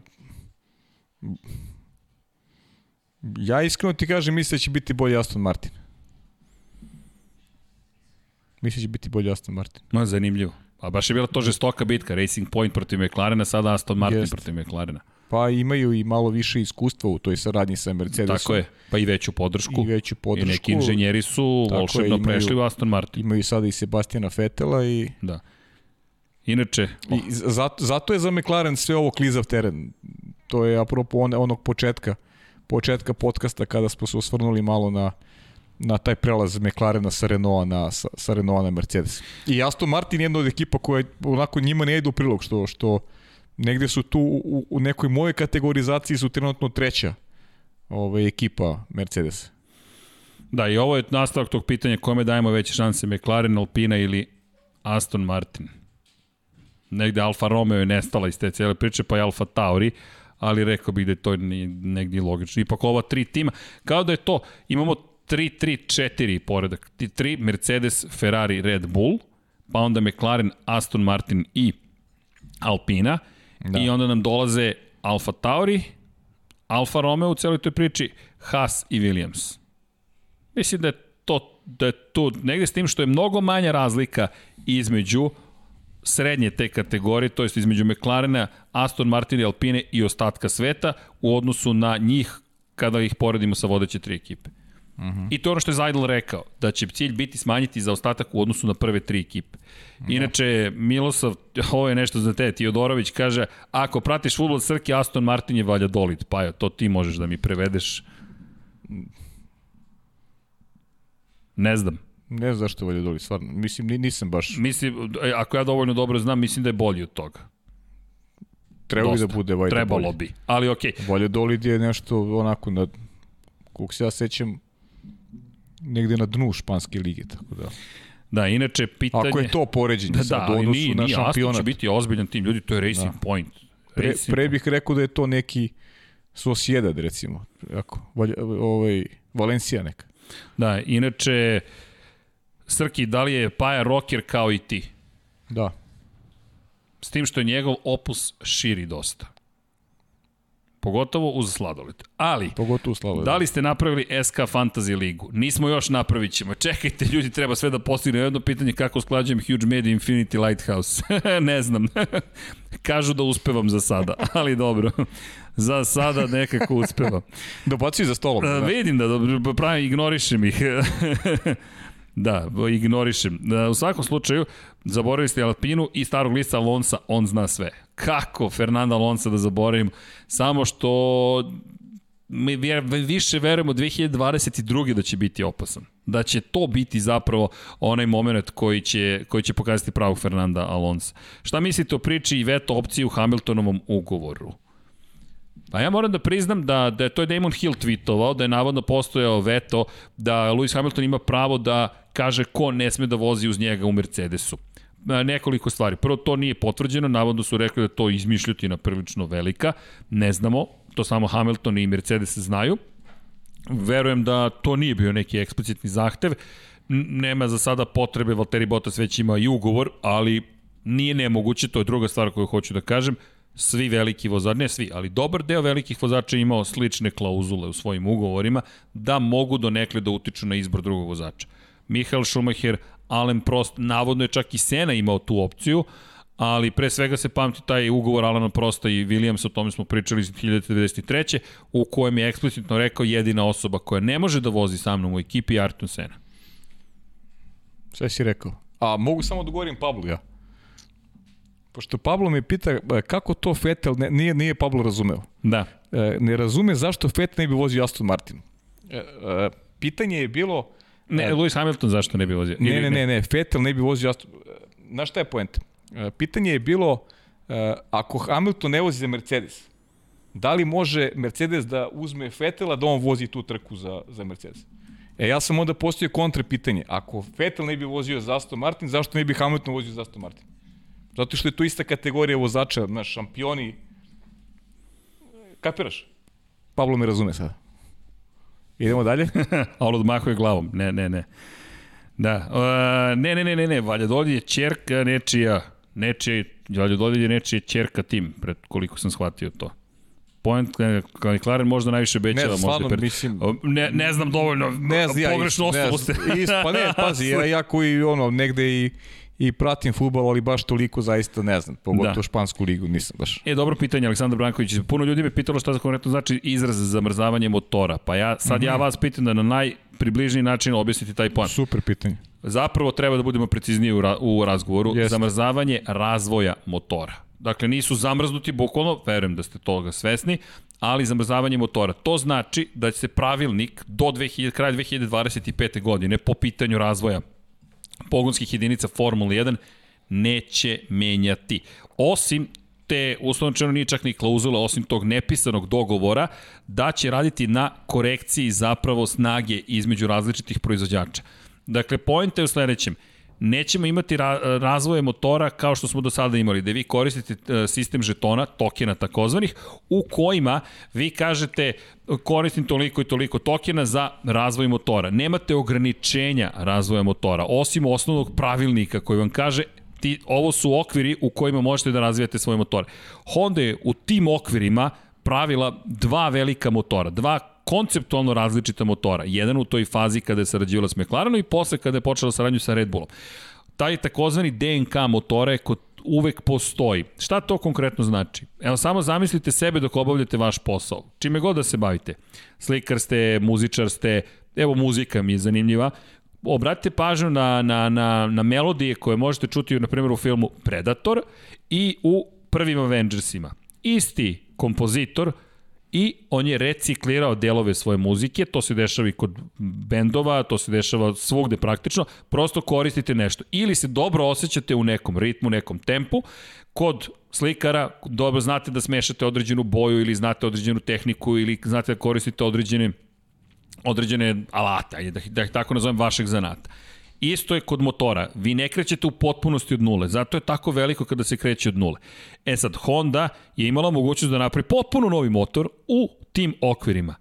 Ti okviri neće se menjati do kraja 2025. Ali je postignut dogovor da više nema razvoja. Dakle, to što ste napravili, to ćete da koristite uz manje modifikacije iz perspektive bezbednosti i pouzdanosti. Jer ukoliko neki od proizvođača napravi motor koji je nepouzdan i stalno puca, eksplodira, kvari se, morate da mu dozvolite dovoljno velik razvoj koji neće uticati nužno na performanse, ali će uticati na bezbednost i na pouzdanost. Eto, Super. to je to. Tako da, do kraja 2021. Honda može da radi šta god hoće u okviru pravila, kada se završi 2021 to je to. Red Bull to uzima, kupuje intelektualnu svojinu. Šta to konkretno znači? Ne samo što kupuje planove, već i zakonski kupuje intelektualnu svojinu. To postaje, pretpostavljam pod određenim uslovima, intelektualna svojina koju ne znam da li posjeduje ili ima pravo da koristi Red Bull ekskluzivno, ali to su vrlo ozbiljni ugovori s obzirom na činjenicu da se govori o tehničko-tehnološkom partnerstvu koje prevazilazi okvir je samo sporta. Ljudi, mi govorimo o tehnologiji koju je razvila Honda. Tako je to mnogo ozbiljan ugovor. Možda nismo čak ni dovoljno jasno istakli koliko je to velik ugovor. Mene zanima šta posle 2025. Šta s tim pravima? Šta sa tom tehnologijom kojom je ovladao Red Bull, koja je do juče sarađivao sa Aston Martinom, na primjer. Hoće Red Bull početi da pravi svoj hyper automobil, hiper automobil ili električni automobil što mi negde sada deluje kao logičan razvoj. Dieter Matešić ima dovoljno novca, ne znam koliko je COVID-19, nisam istraživao uticao na, na, na prodaju Red Bulla, ali činjenica je da ima sredstva i mogućnosti, pa i želje da razvije možda i automobil. Ko zna, možda ode kod gospodina Rimca, ko zna. Dakle, Idemo nazad. Idemo Momčilo Vukić, ovo je lepo je sugerisao još jedna bitna vest, kaže da Haas neće moći da ubaci novi Ferrari motor u svoj bolid do predsezonskih testiranja. Jeste, to I smo to, zaboravili da, da to kažem. zaista može da bude veliki problem za njih i hvala Momčilo što će nas podsjetio Jeste. na na taj na taj detalj. Da, to je to je to je velika vest i to jeste problem ozbiljan za ekipu Hasa, tako da možda je i velik, možda se desi da Williams bude uspešniji od Hasa, to nije dobro nužno za Williams, to može da znači samo loše za Haas, ali eto, držimo palče će nekako to uspeti uspeti da reši. Da li je moguće inače da se 2025. nakon ukidanja turba vrati V8 motori sa Kersom? Teško. Teško mi da poverujem da će u potpunosti nestati hibridna tehnologija. Više se priča o tome da će, možda ste i u pravu do nekle, ali ne vidim da neće biti hibrida. Mislim da će Kers biti i motor kao što je i bio, ali ne samo na nekoliko sekundi kao što je bio do 2013. godine zaključno sa njom, već da ćemo imati zaista neku vrstu punokrvnog hibrida. Ono što će se verovatno izgubiti jeste taj sistem koji se koristi na samoj osovini turbine turbokompresora. Kod Mercedesa pričali smo kompresor napred, turbina pozadi kod Renaulta i ostalih je spojeno, mislim da je Honda razdvojila takođe kao i Mercedes, ali je pojenta u tome da se neće bežati od hibrida. Svakako se neće bežati od hibrida, atmosferski motori mislim da su prosto prevaziđeni u komercijalnoj upotrebi. Evo, nađite sada automobil koji nema turbo kompresor na sebi. 1300 kubika motori gradski, 140 konjskih snaga. To je nekada bilo čudo. To je bilo trka, trkačka mašina. Da, da ne sad ne, ne reklamiram bilo koji automobil, ali Uzmite 1100, 1300, 1200, 1400 kubika, vi od njih možete da napravite nešto što bi pre 20 godina bila, ne znam, GTI kategorija. Sada je to automobil koji vi sednete i vozite. I to dolazi od turbokompresor tehnologije koja zaista povećava ozbiljnu efikasnost. Uz činjenicu da se odustaje od dizela, ne vidim promene, mislim da će se to dešavati, ali da se desi atmosferski čist motor, teško. To imate u NASCAR-u, taman, Božije, čekamo da nam se priključi. Trebalo bi da je tu negde samo da vidim sa Vanjom. 003, brojimo. Da, evo Vanja će sad, Vanja, Vanja je napravio kadar u kojem ga nećete videti dok on spaja ceo sistem sa Božijem, a ovo je iskustvo, voleo bih da ovo fotografišemo, ali Don Pablo, naš Vanja slobodno daj četvorku, slobodno daj četvorku, do, do, daj četvorku da se vidi iza kulisa kako stvari funkcionišu. Don Pablo odbija saradnju ali dobro. Da ima, da ima još neko pitanje. Da li ima još neko pitanje da, dok nam stigne Boži? Čekamo Božija. Ovo je iskusno. Nisam siguran da, da će uspeti, ali dobro. Probaj virtualnu kameru. Imaš drugu. Ovde OBS spajamo uživo sa celim sa, sa Zoomom, no kako god, pa u krajnjem slučaju imamo zvuk, pa Boži može da nas gleda na YouTube, šalu na stranu. Uh, Dakle, idemo, uh, znaš koliko pitanja je stiglo. DRS voziće sprinterikama, ako svi koriste maksimalnu snagu, e da, to je dobro pitanje, da li DRS dozvoliti ili ne dozvoliti kada govorimo o kada govorimo o sprint trkama. A, pazi, Amir, Amar Hadžić kaže, Ras, Ricardo i Russell u 2022. u Mercedesu. Da, da, pa to je bilo pitanje. Da, to je jedno pitanje loše. bilo. Da, pa ne zvuči loše, moram priznati, da. ali činjenica je da iz te per, jedne perspektive Ne znam teško koliko, može koliko da je realno, da ali... Znaš, McLaren teško U, evo nam ga Boži u kolima. Šta ti je profesionalno? Malo nam je izvrnut Boži, ali nema veze. Ispravite nam Boži. Ispravite nam Božija. To... Pa to je Boži, iskusno. E, ovo je sada prvi put direktno uključenje iz Sjedinih američkih država, Božidar Tatarević. Mi smo te prisvojili, Pri, prisvojili smo te, dobro smo, kao stručnog saradnika Lab 76.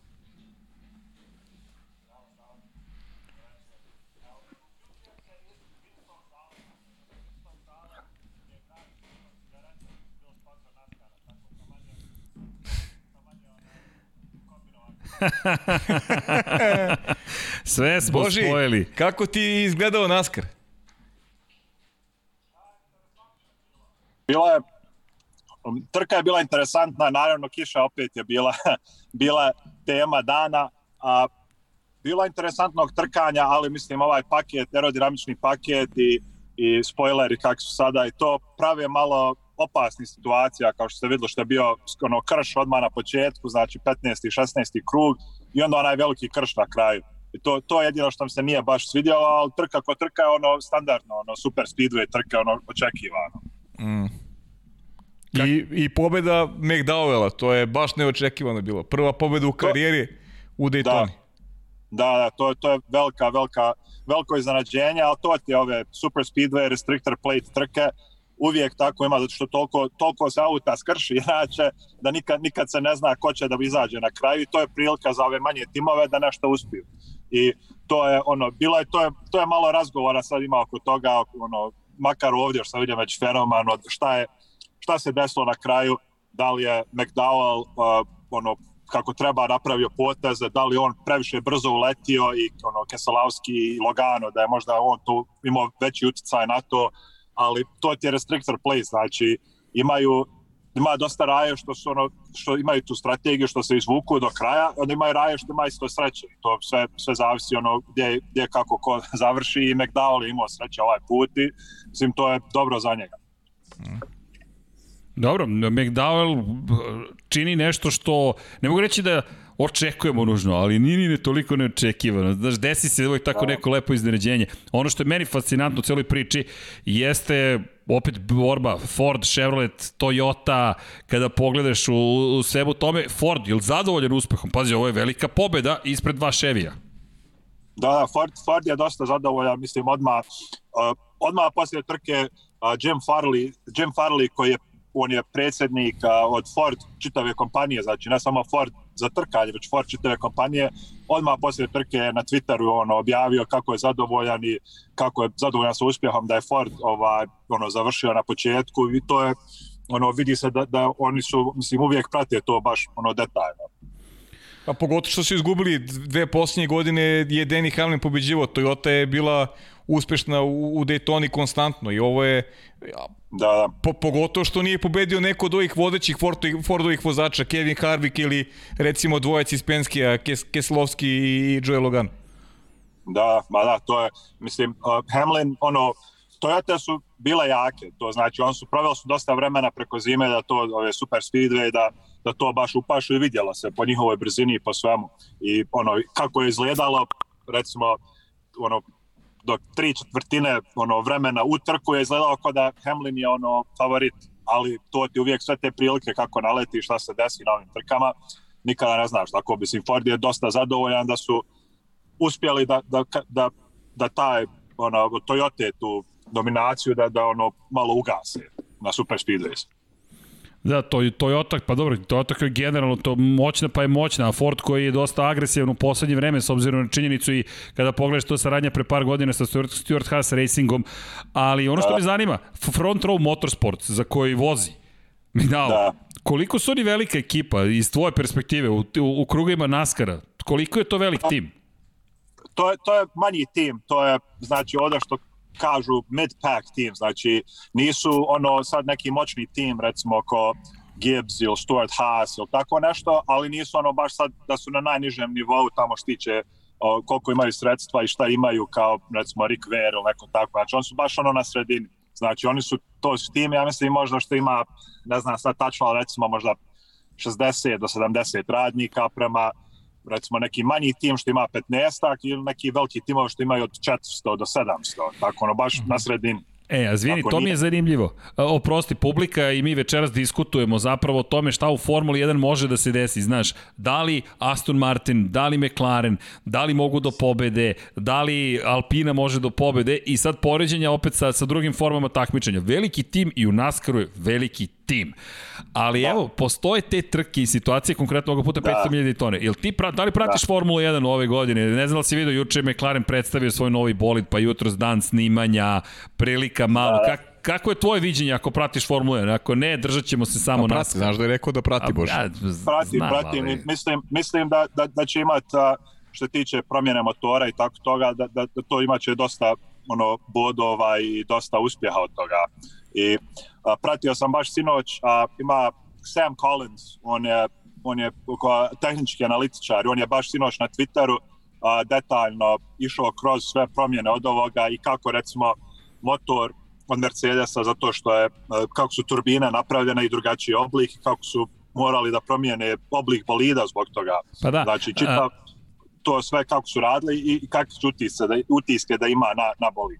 Pa to je ono što smo pričali malo pre i govorili smo o, o agregatima, a, a point je u sledećem e, kako stoji, hajde da kažemo da ovo prednji kraj bolida Formula 1, kompresor je ispred, dakle, turbina je pozadi kada govorimo bukvalno, kada govorimo o bloku motora, kada govorimo o tome gde se pozicionira. Ovo je osovina tur, turbo kompresora. Turbina je pozadi, tu dolazi izduvni gasovi, kompresor je napred. Šta je Mercedes postigao time? Da drugačije je potpuno pakovanje, ali hlađenje kompresor, to je vazduha kod prilikom kompresije je bolje.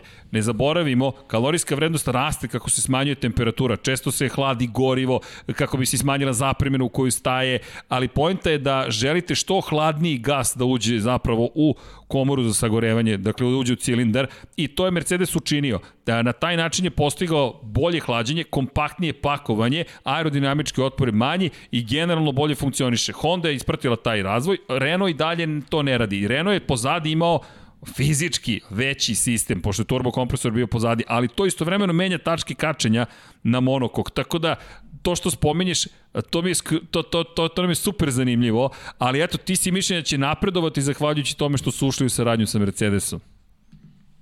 Mislim, mislim da, da bi trebalo da napreduju i da, da, da im to dadne koje brzine i sad sve zavisi, sve zavisi mislim to kako će biti kako, kako će biti između njih i Mercedesa, te tehničke konekcije, to sve i koliko, koliko će oni moći da brzo sa tim da, da, da krenu i da iskoriste ta sva sredstva što dobiju sa tom promjenom.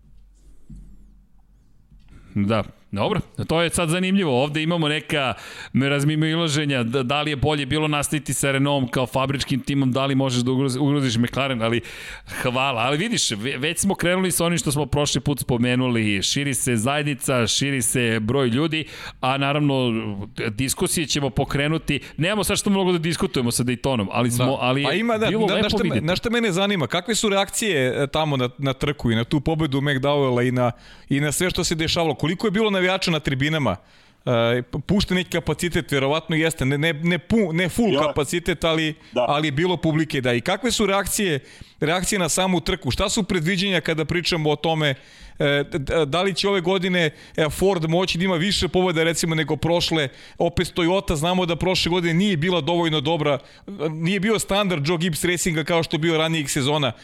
Šta su neke spekulacije kada govorimo o, o, o kompletnoj sezoni? Pa prvo što se tiče ove trke sad zadnju Daytona, ja mislim da je bilo oko 30% gledalca, to znači oko mm -hmm. 30.000, ali tamo negdje preko 100.000 može da stane. I gledalci, koliko sam čuo, su generalno bili zadovoljni. A, bilo je e, razgovora što se tiče McDowellove pobjede, većina a, vozača i drugih što poznajem su, su im je drago za McDowell, zato što McDowell je imao imao je uspjehe neke u drugim vrstama ovoga trkanja, ali nije nikad imao u NASCAR-u Cup Series baš najbolje uspjeha. Ali isto tako McDowell, njegovi najbolji rezultati su uvijek bili u Daytoni. Znači McDowell je imao možda 15 ovi top 10 za ono završaja i od toga je pola bilo u Daytoni. Znači neki su očekivali, iako on nije u najjačem autu i nije baš najpoznatiji, da tu ima najbolju priliku za pobjedu i to su očekivali dugo.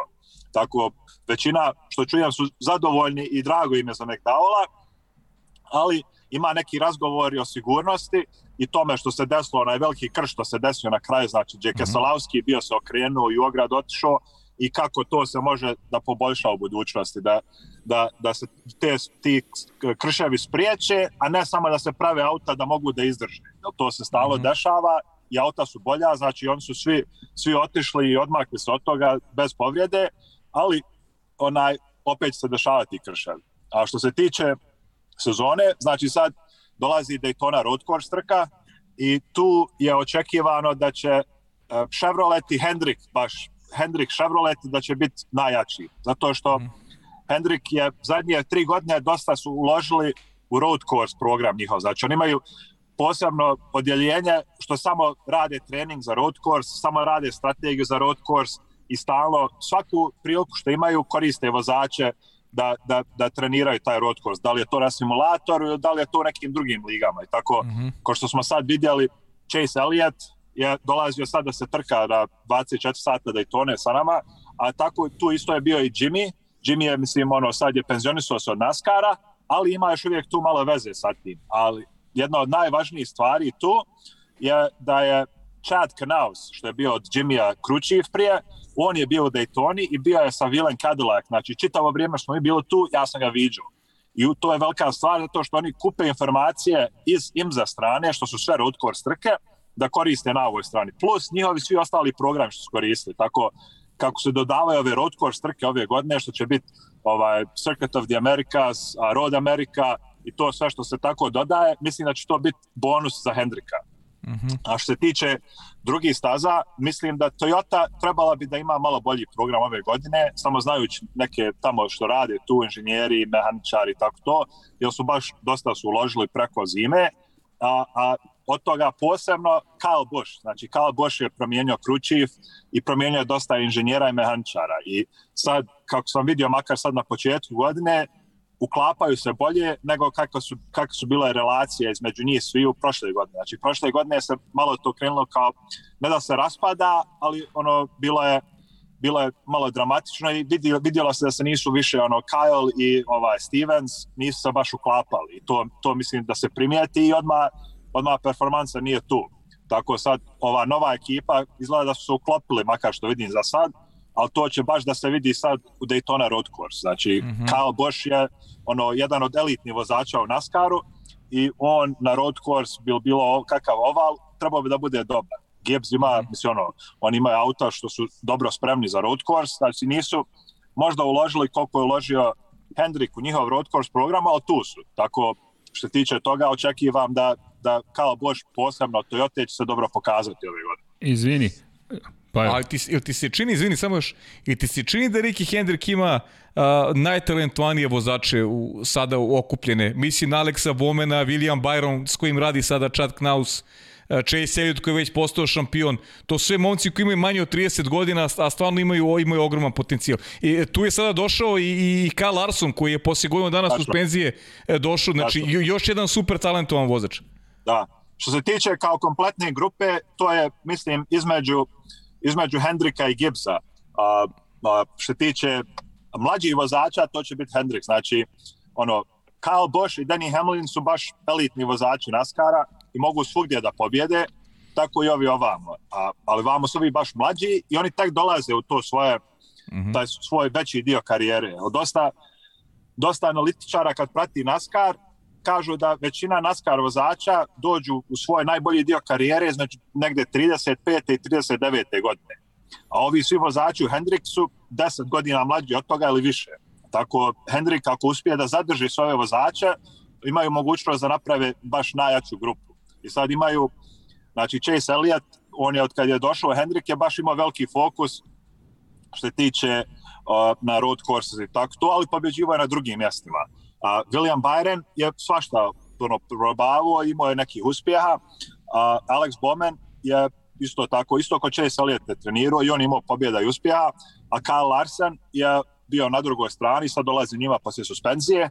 I velika stvar za ovu godinu posebno što je Kyle Larson tu je zato što imaju uh, Bristol Dirt Race, onaj, znači Kyle Larson ima, ne znam sad koliko, preko 300 pobjeda na, na dirt ovim stazama, u, mislim oni sprint cars i tako to, ali to je velika stvar za Hendrik, jer imaju, makar koliko sam ja čuo, Kyle Larsen ima sa svog tima što se trkaju na Dirtu, Dirt seriji, doveo svoje mehaničare i ove tehničke te direktore što ima, da pomognu Hendriku da naprave cup car ovaj, za NASCAR za ovu Dirt trku.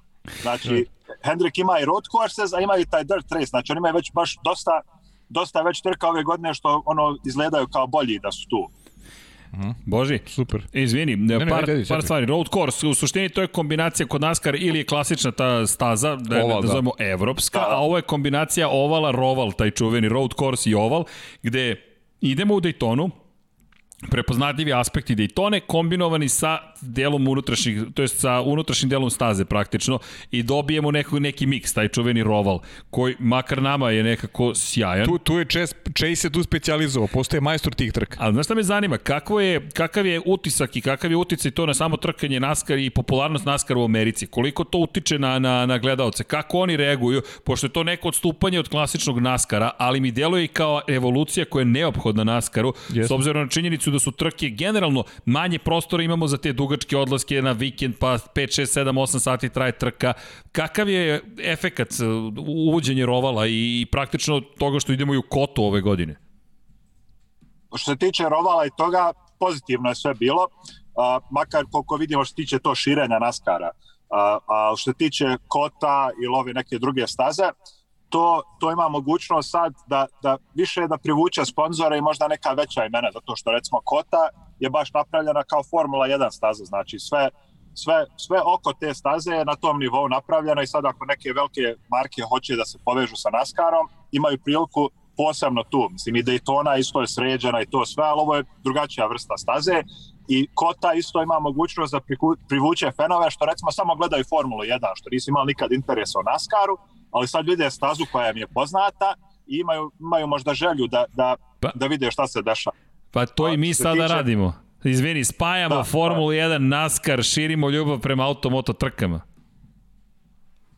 E baš tako, znači to, to, to, mislim, ja to na ovoj strani ono, već ono, imam razgovore take, a isto tako i generalno fanovi to sami od sebe ono vide kad recimo vi spomenete ili ja spomenem neko drugi, ono interesantno im je makar, i, makar samo iz interesa da uporede, da vide kako jedna vrsta auta prema drugoj vrsti auta izgleda na istoj stazi. Koliko je jedno brže prema drugom, ne veze što su skroz drugačiji, ali makar taj mali interes dovede ih da pogledaju tu trku. Pa zabavno je, prosto je zabavno. Da. Yes. I, I imam još par pitanja. Ajde, uh, Michael Jordan Racing, to je 23 XY, XI je da. nastupio, debitovali su, interesovanje, ok, Baba Volas nije imao baš najsrećniju trku, ali ok, da. počeli su, to isto da. dobar moment za NASCAR. Da, da, to, a, znači 2311 su, to je velika stvar za Raskar. Znači, ja od kad sam zadnjih ono, 5-6 godina što detaljno pravim, pratim vijesti oko sporta ili generalno vijesti samo šta se dešava u Americi, ono, a, imaš o NASCARu, NASCAR bude u ono automoto časopisma često, NASCAR bude nekad u sportskim časopisma, što generalno sport prate, ali rijetko kad NASCAR da bude u generalnim časopisma kao no, New York Times ili Washington Post ili tako to ali kako se Jordan uključio, sada ima priča se znači pojavljivaju u generalnim časopisma, što znači to proširuje ko, ko čuje o NASCAR-u, ko vidi, ko čita o tome. Tako Jordan je već imao veliki utisak na NASCAR, a znam da Toyota i onaj generalno ti, mislim, te veze što imaju sa Gibbs i to da, da dosta se ulaže da ovaj 2311 bude uspješan. Čak juče je o, lokalna, lokalna TV stanica ovde u Charlotteu, ovaj WSOC, ovaj Joe Bruno, jedan novinar tu je pronašao da su uh, taj tim 2311 da su sa gradom jednim blizu Charlotte tu da su ispunili dokumente da, da, da uzmu permite da grade zgradu i imaju skice od zgrade što je znači ono zgrada je izgleda kao Tweetovao si to. To je bilo da, sjajno. Pa da, za Formulu 1, ono, čak kod je baš ono se sređena zgrada ogromna što izgleda da hoće da ulažu, a to je znači dio jedan blizu Charlotte gdje će biti a, sve luksuzni apartmani i kuće, to znači bit će baš ono kao Sjajno. bogat grada i oni hoće da to naprave tu da bude kao centar tog naselja, isto tako da se vidi sa autoputa ovog glavnog ovaj, I-77, gdje, gdje ima znači, prometa dosta. Znači oni hoće to da bude neka tačka gdje ljudi koji prolaze da vide to i da dođu u posjetu, kao recimo McLarenov centar ili tako nešto u Engleskoj. Lepo, da. lepo. Imam, imamo još par stvari. Imaš pitanje od gledalaca šta jedeš, pošto si tweetovao da jedeš u kolima, pa eto, to je, Aha, to je pitanje. A, znači, došao sam u Čap, ima salata. To je zdravo. Sprema se, Boži. To, to, to, je salata, salata sa piletinom. To sam imao, imao sam, znači imao sam sastanak jedan u, u dva, to se završilo oko 2.40, preko ne moram do 3, idem uzeti salatu, uzeo salatu, tamo sam poja, pola pojao, jedna je rekao da ima malo energije za, za razgovora i e, us, uspjela super kombinacija. Ali dobra ti to strategija, znaš i sam, moraš da odpauziraš 15-20 minuta posle tih prvih zaloga, da, da, da stomak pošalje informaciju, možda endokrini sistem prenosi te informacije, ne nervni, pa, pa tako, tako, tako, ta, ta vodiš računa. Ej, i samo još, samo još jedna stvar, A, do, do, dobar ti je novi imidž, iako kačket krije deo imidža, ali brkovi su tu. Ej, čekaj, vidi, sad mi se uklapa u promociju sponzora. Imamo novog sponzora, Philips One Blade. Iako piše face, može da može i za head, tako da, ha, šalu na stranu, ali eto, vidi, sve smo u brijanju, to je kao da smo se dogovorili mora, moramo da probamo, da. Da, obavezno, obavezno. Vidi, Paja će da se trimuje, ja se brijem, ne znam Super, da, bi, da li je planirano da se koristi za glavu, ali saznaćemo šta Filip nudi iz te ponude, ali eto, da. malo promovišemo One Blade. Kaži. Boži, šta da ti kažem, hvala. Milion puta hvala i vidiš, bolje ćemo se organizovati. Sad nam je u sredi emisije palo, e, aj zovemo Božija. Da i šaljemo ti raspored da se bolje organizujemo i onda i tehnički kutak kada dotaknemo da se uključiš, nadam se da će nam se i Martin pridružiti tim situacijama i tako. Biće ovde mega zabavno, da, ja bih rekao. Je. Može, može. Eto, man, taman, ako, ako znam raspored, onda nekad možda i mogu neki kolega da, da, da ubacim ono što, što imaju znanja i tako to, da pitanja ispitam tako, ako znam teme, razgovor bit, bit, bit će lakše, ali ovo je super ispalo. Vidi Boži, Jest. tam za, pa tebi hvala na profesionalnosti, gde god da si ti, svaka čast, stvarno. Boži, divan si. Čujemo se, vidio se. Hvala. Hvala puno, Boži, ćao, e, sve I sreće put gde god da si krenuo. Važi, važi, hvala. Ćao, Boži. Ćao. Ćao, čao. Sjajno. To je bio naš Boži, čuli ste informacije iz Naskara, iz prve ruke. Kako je to lepo. Evo tu sam pored staze, pored fabrike. Da, sjajno. Car Boži. A, da, u svakom slučaju spojili smo i 500.000 Daytone, za sve one koji su, nisu ispratili. Bacite pogled makar na, na ključne momente iz trke, prelepo je vidjeti nekog novog pobednika. A dobro, ovo smo, na, ovo smo analizirali, ali zaslužuje, prosto 500.000 Daytone zaslužuje da, da se time bavimo, jer to je kultna trka, sve ostalo bavit ćemo se mi i dalje pomalo naskarom, ali ne, ne, ne, ne na ovaj Nećemo način. Ovako. Ne nužno na ovaj način, da svake milja, nedelje ovo, ovo zaslužuje. Kad bude Jest. opet neka važna trka, bavit Čekaj, Bože, da uvučemo u Formulu 1. Pa, pa, ne, onda... to, pa ne, ne, to ćemo i da radimo, to jeste ideja. A onda da ga posluži sreća da se zaposli u Haas F1 ekipi. Tako je. Pa, da, na, pa, da, nas, samo na sreću, pa da nas povede tamo. Tako je. Viš kako smo rešili? Severna imamo jasan Karolina. plan, imamo jasan plan. Kod Bože je to samo sreća. Slučajno se Sreć, pa da. Da, slučajno. tako je. Da, idemo mi dalje i da polako zaključujemo. Ajmo još par pitanja da odgovorimo i, i to je to. Što ste izbacili apropo digresiju i ostalo, ja i kume nemamo drinking game. Aha. Pa apropo toga što pitate, nismo stigli da napravimo digresiju, nadam se da smo evo malo pomogli u celoj ovoj situaciji, s obzirom na činjenicu da je sve to stvar percepcije i kada kroz ovu prizmu posmatram našu emisiju, mislim da smo vam sad pomogli definitivno da se popravi situacija. Dakle, hidrirajte se i evo, Dronville je pratio, bila je prizma, molim vas. No, nadam se da ste uživali, vreme je da se polako javljamo, ako stigne još neko pitanje, eto, da iskoristimo još ovih 5 minuta. Može Vanja još 5 minuta. 7. Evo, dobili smo 7. Opa! Dobili smo 7. Šta bi, šta bi Vanji danas? Pa, do 21.30 imamo. A nije, znaš šta, on je srećan, on je srećan što nismo više ono Od oko ponoći, sata, oko ponoći, 4 sata. Oko ponoći. Ne, pa plan je bio 21.00, dobijam poziv, a da li biste mogli 19.00? Pa nema, nema problema. Da, jasno da bi isti poziv. Da, evo pitanje, hoće li Lab Scientific prenositi testiranja? Ako to negde bude Te... bilo zakonski moguće, vrlo, vrlo, vrlo rado. Ali bojim Nije se da... Nije loša ideja, stvarno. Dobra ideja. E, pitanje za mene, da li smo čestitali rođendan Rosiju? Molim. Kako se to pitanja? Pa naravno, spomenuli smo. Evo, srećen rođendan iz naše strane.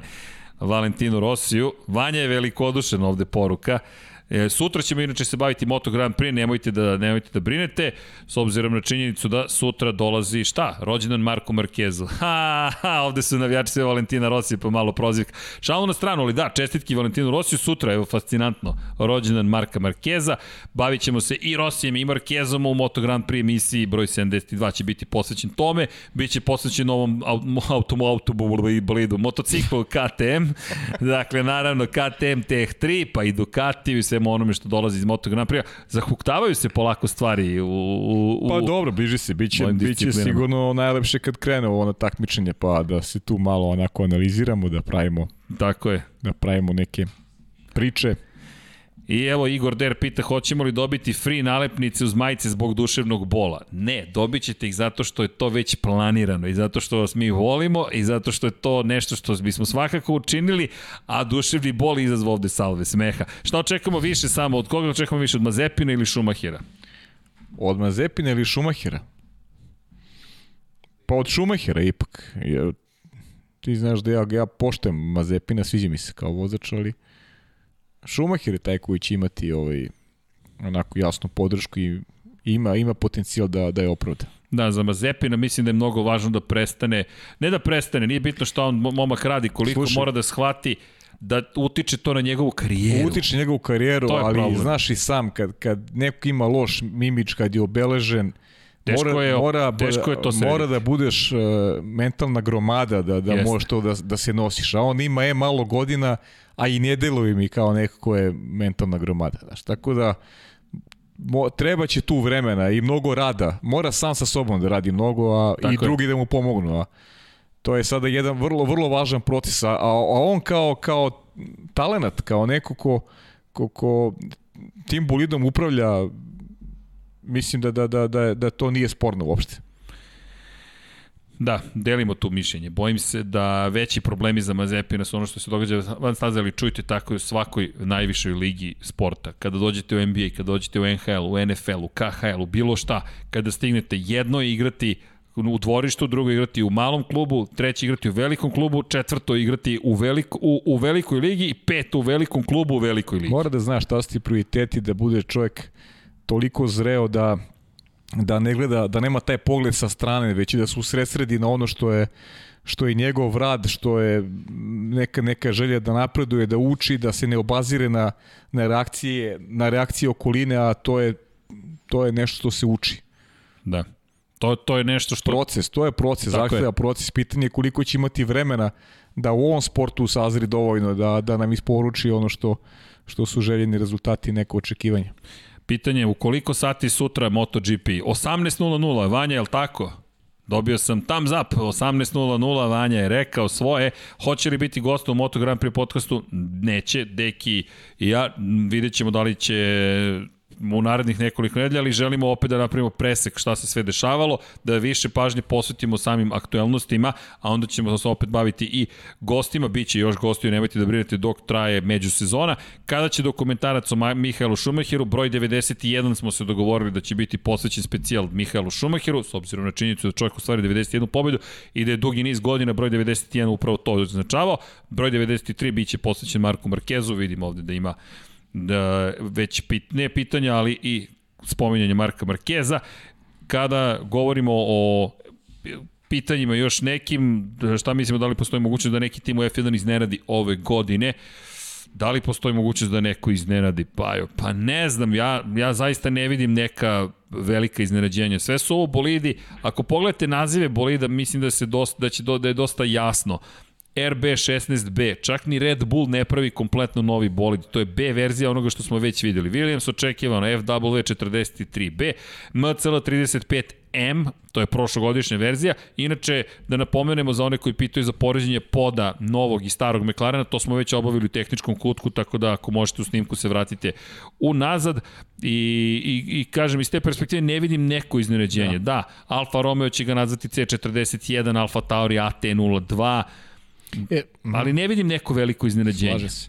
Slažem se. I da ne zaboravimo samo Dejan Andrića koji je jedan naš onako jedan od prijatelj. Prijatelj, da, koji uvek šalje dobra dobra pitanja, pa evo njegovo neko zapažanje, kaže Formula 1 bi možda mogla da primeni balans performansi kao VTCR-u ili TCR-u, kaže ako je neki bolid mnogo brz da pre sledeću trku dobije težinski hendikep.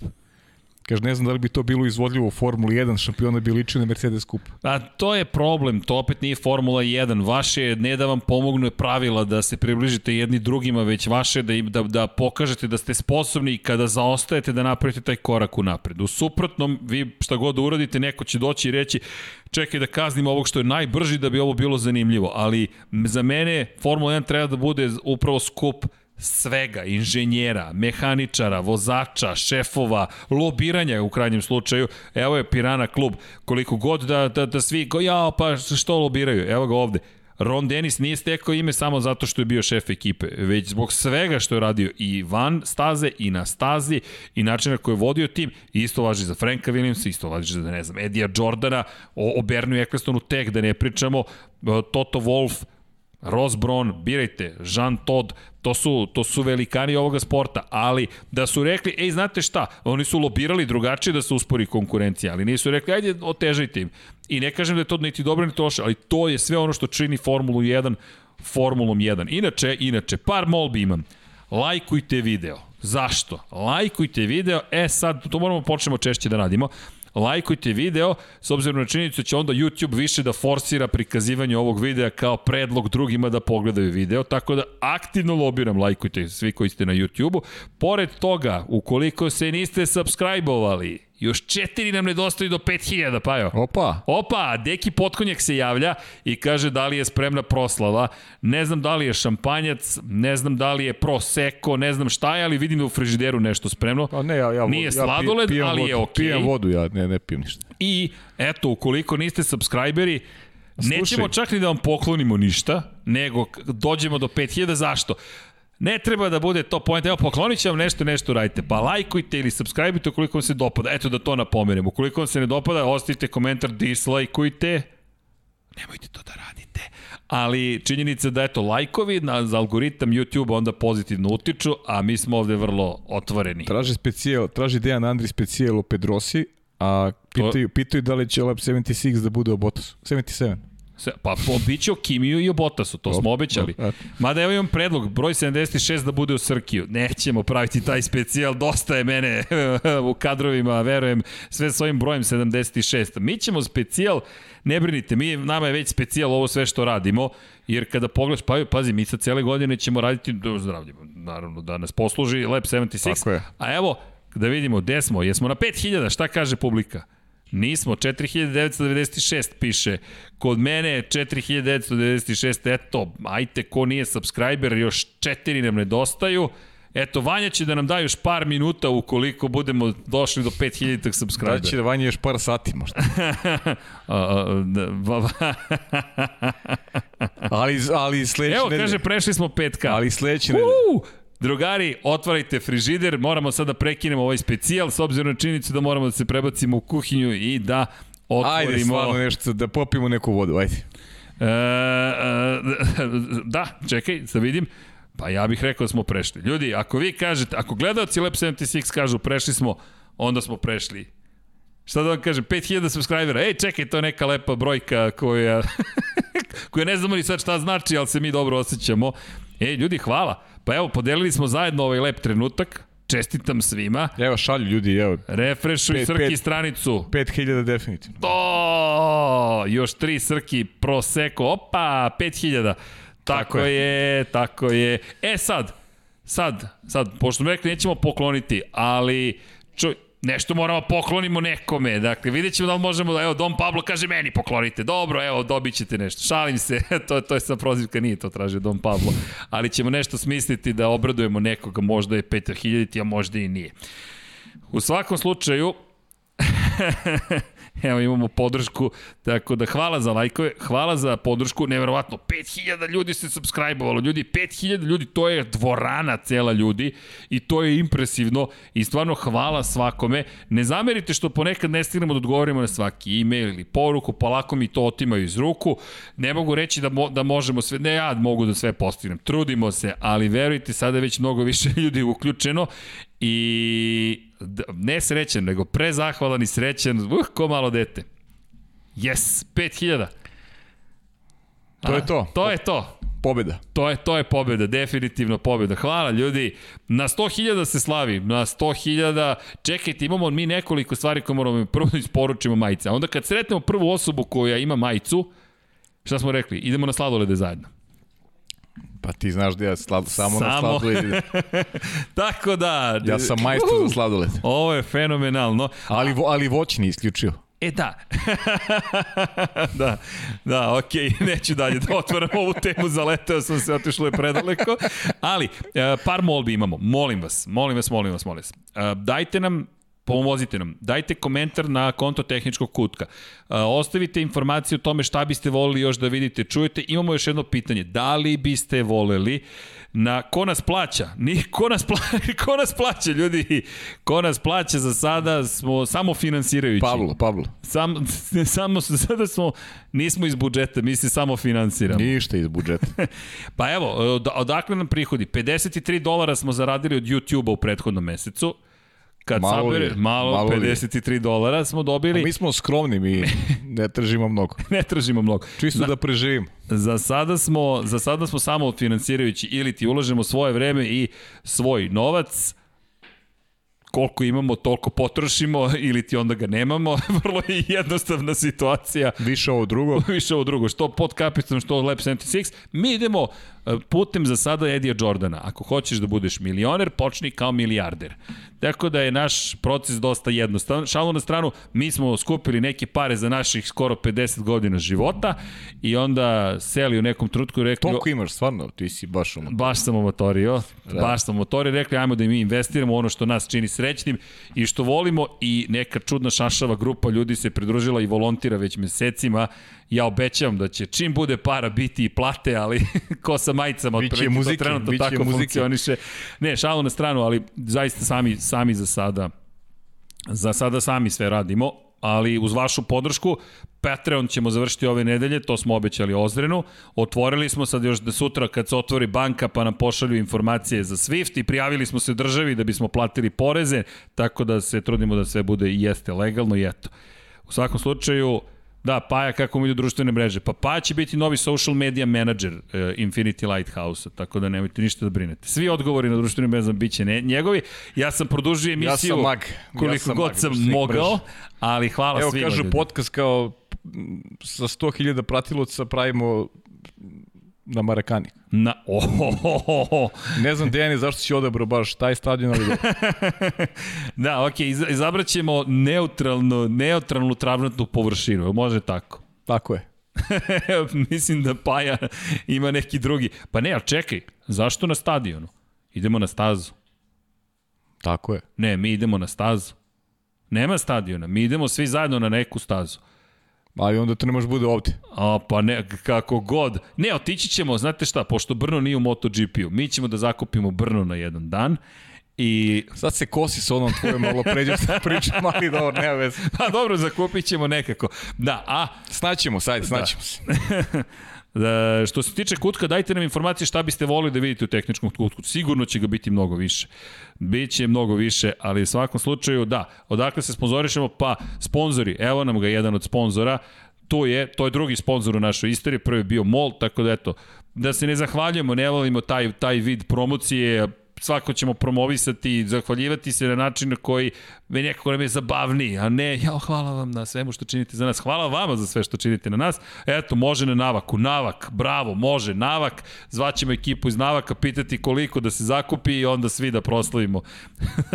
Napravit ćemo i koncert.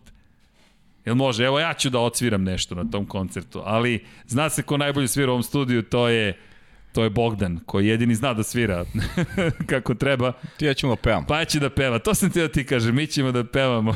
I on, to posle biti. malo sladoleda pevaćemo. posle, posle mnogo sladoleda. Mislim, Kimi, Kimi, eto vidiš, Kimi voli sladolede. Kimi čovjek, voli tako da može da nam se pridruži. E ljudi, ovo je emisija u kojoj smo došli do 5000 pretplatnika na YouTube-u.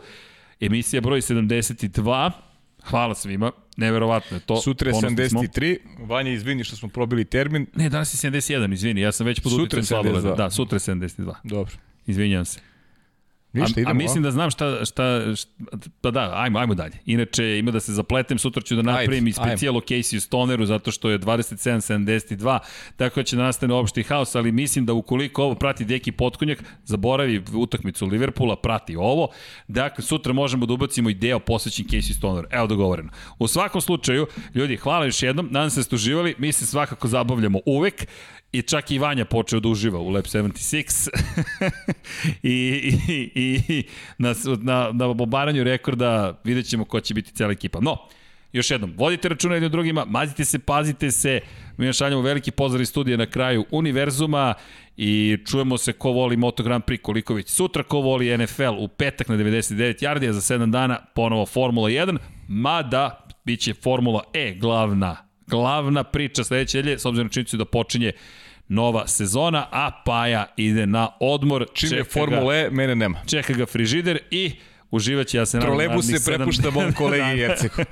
Ljudi, čao svima i veliki pozdrav. Ćao, ćao svima.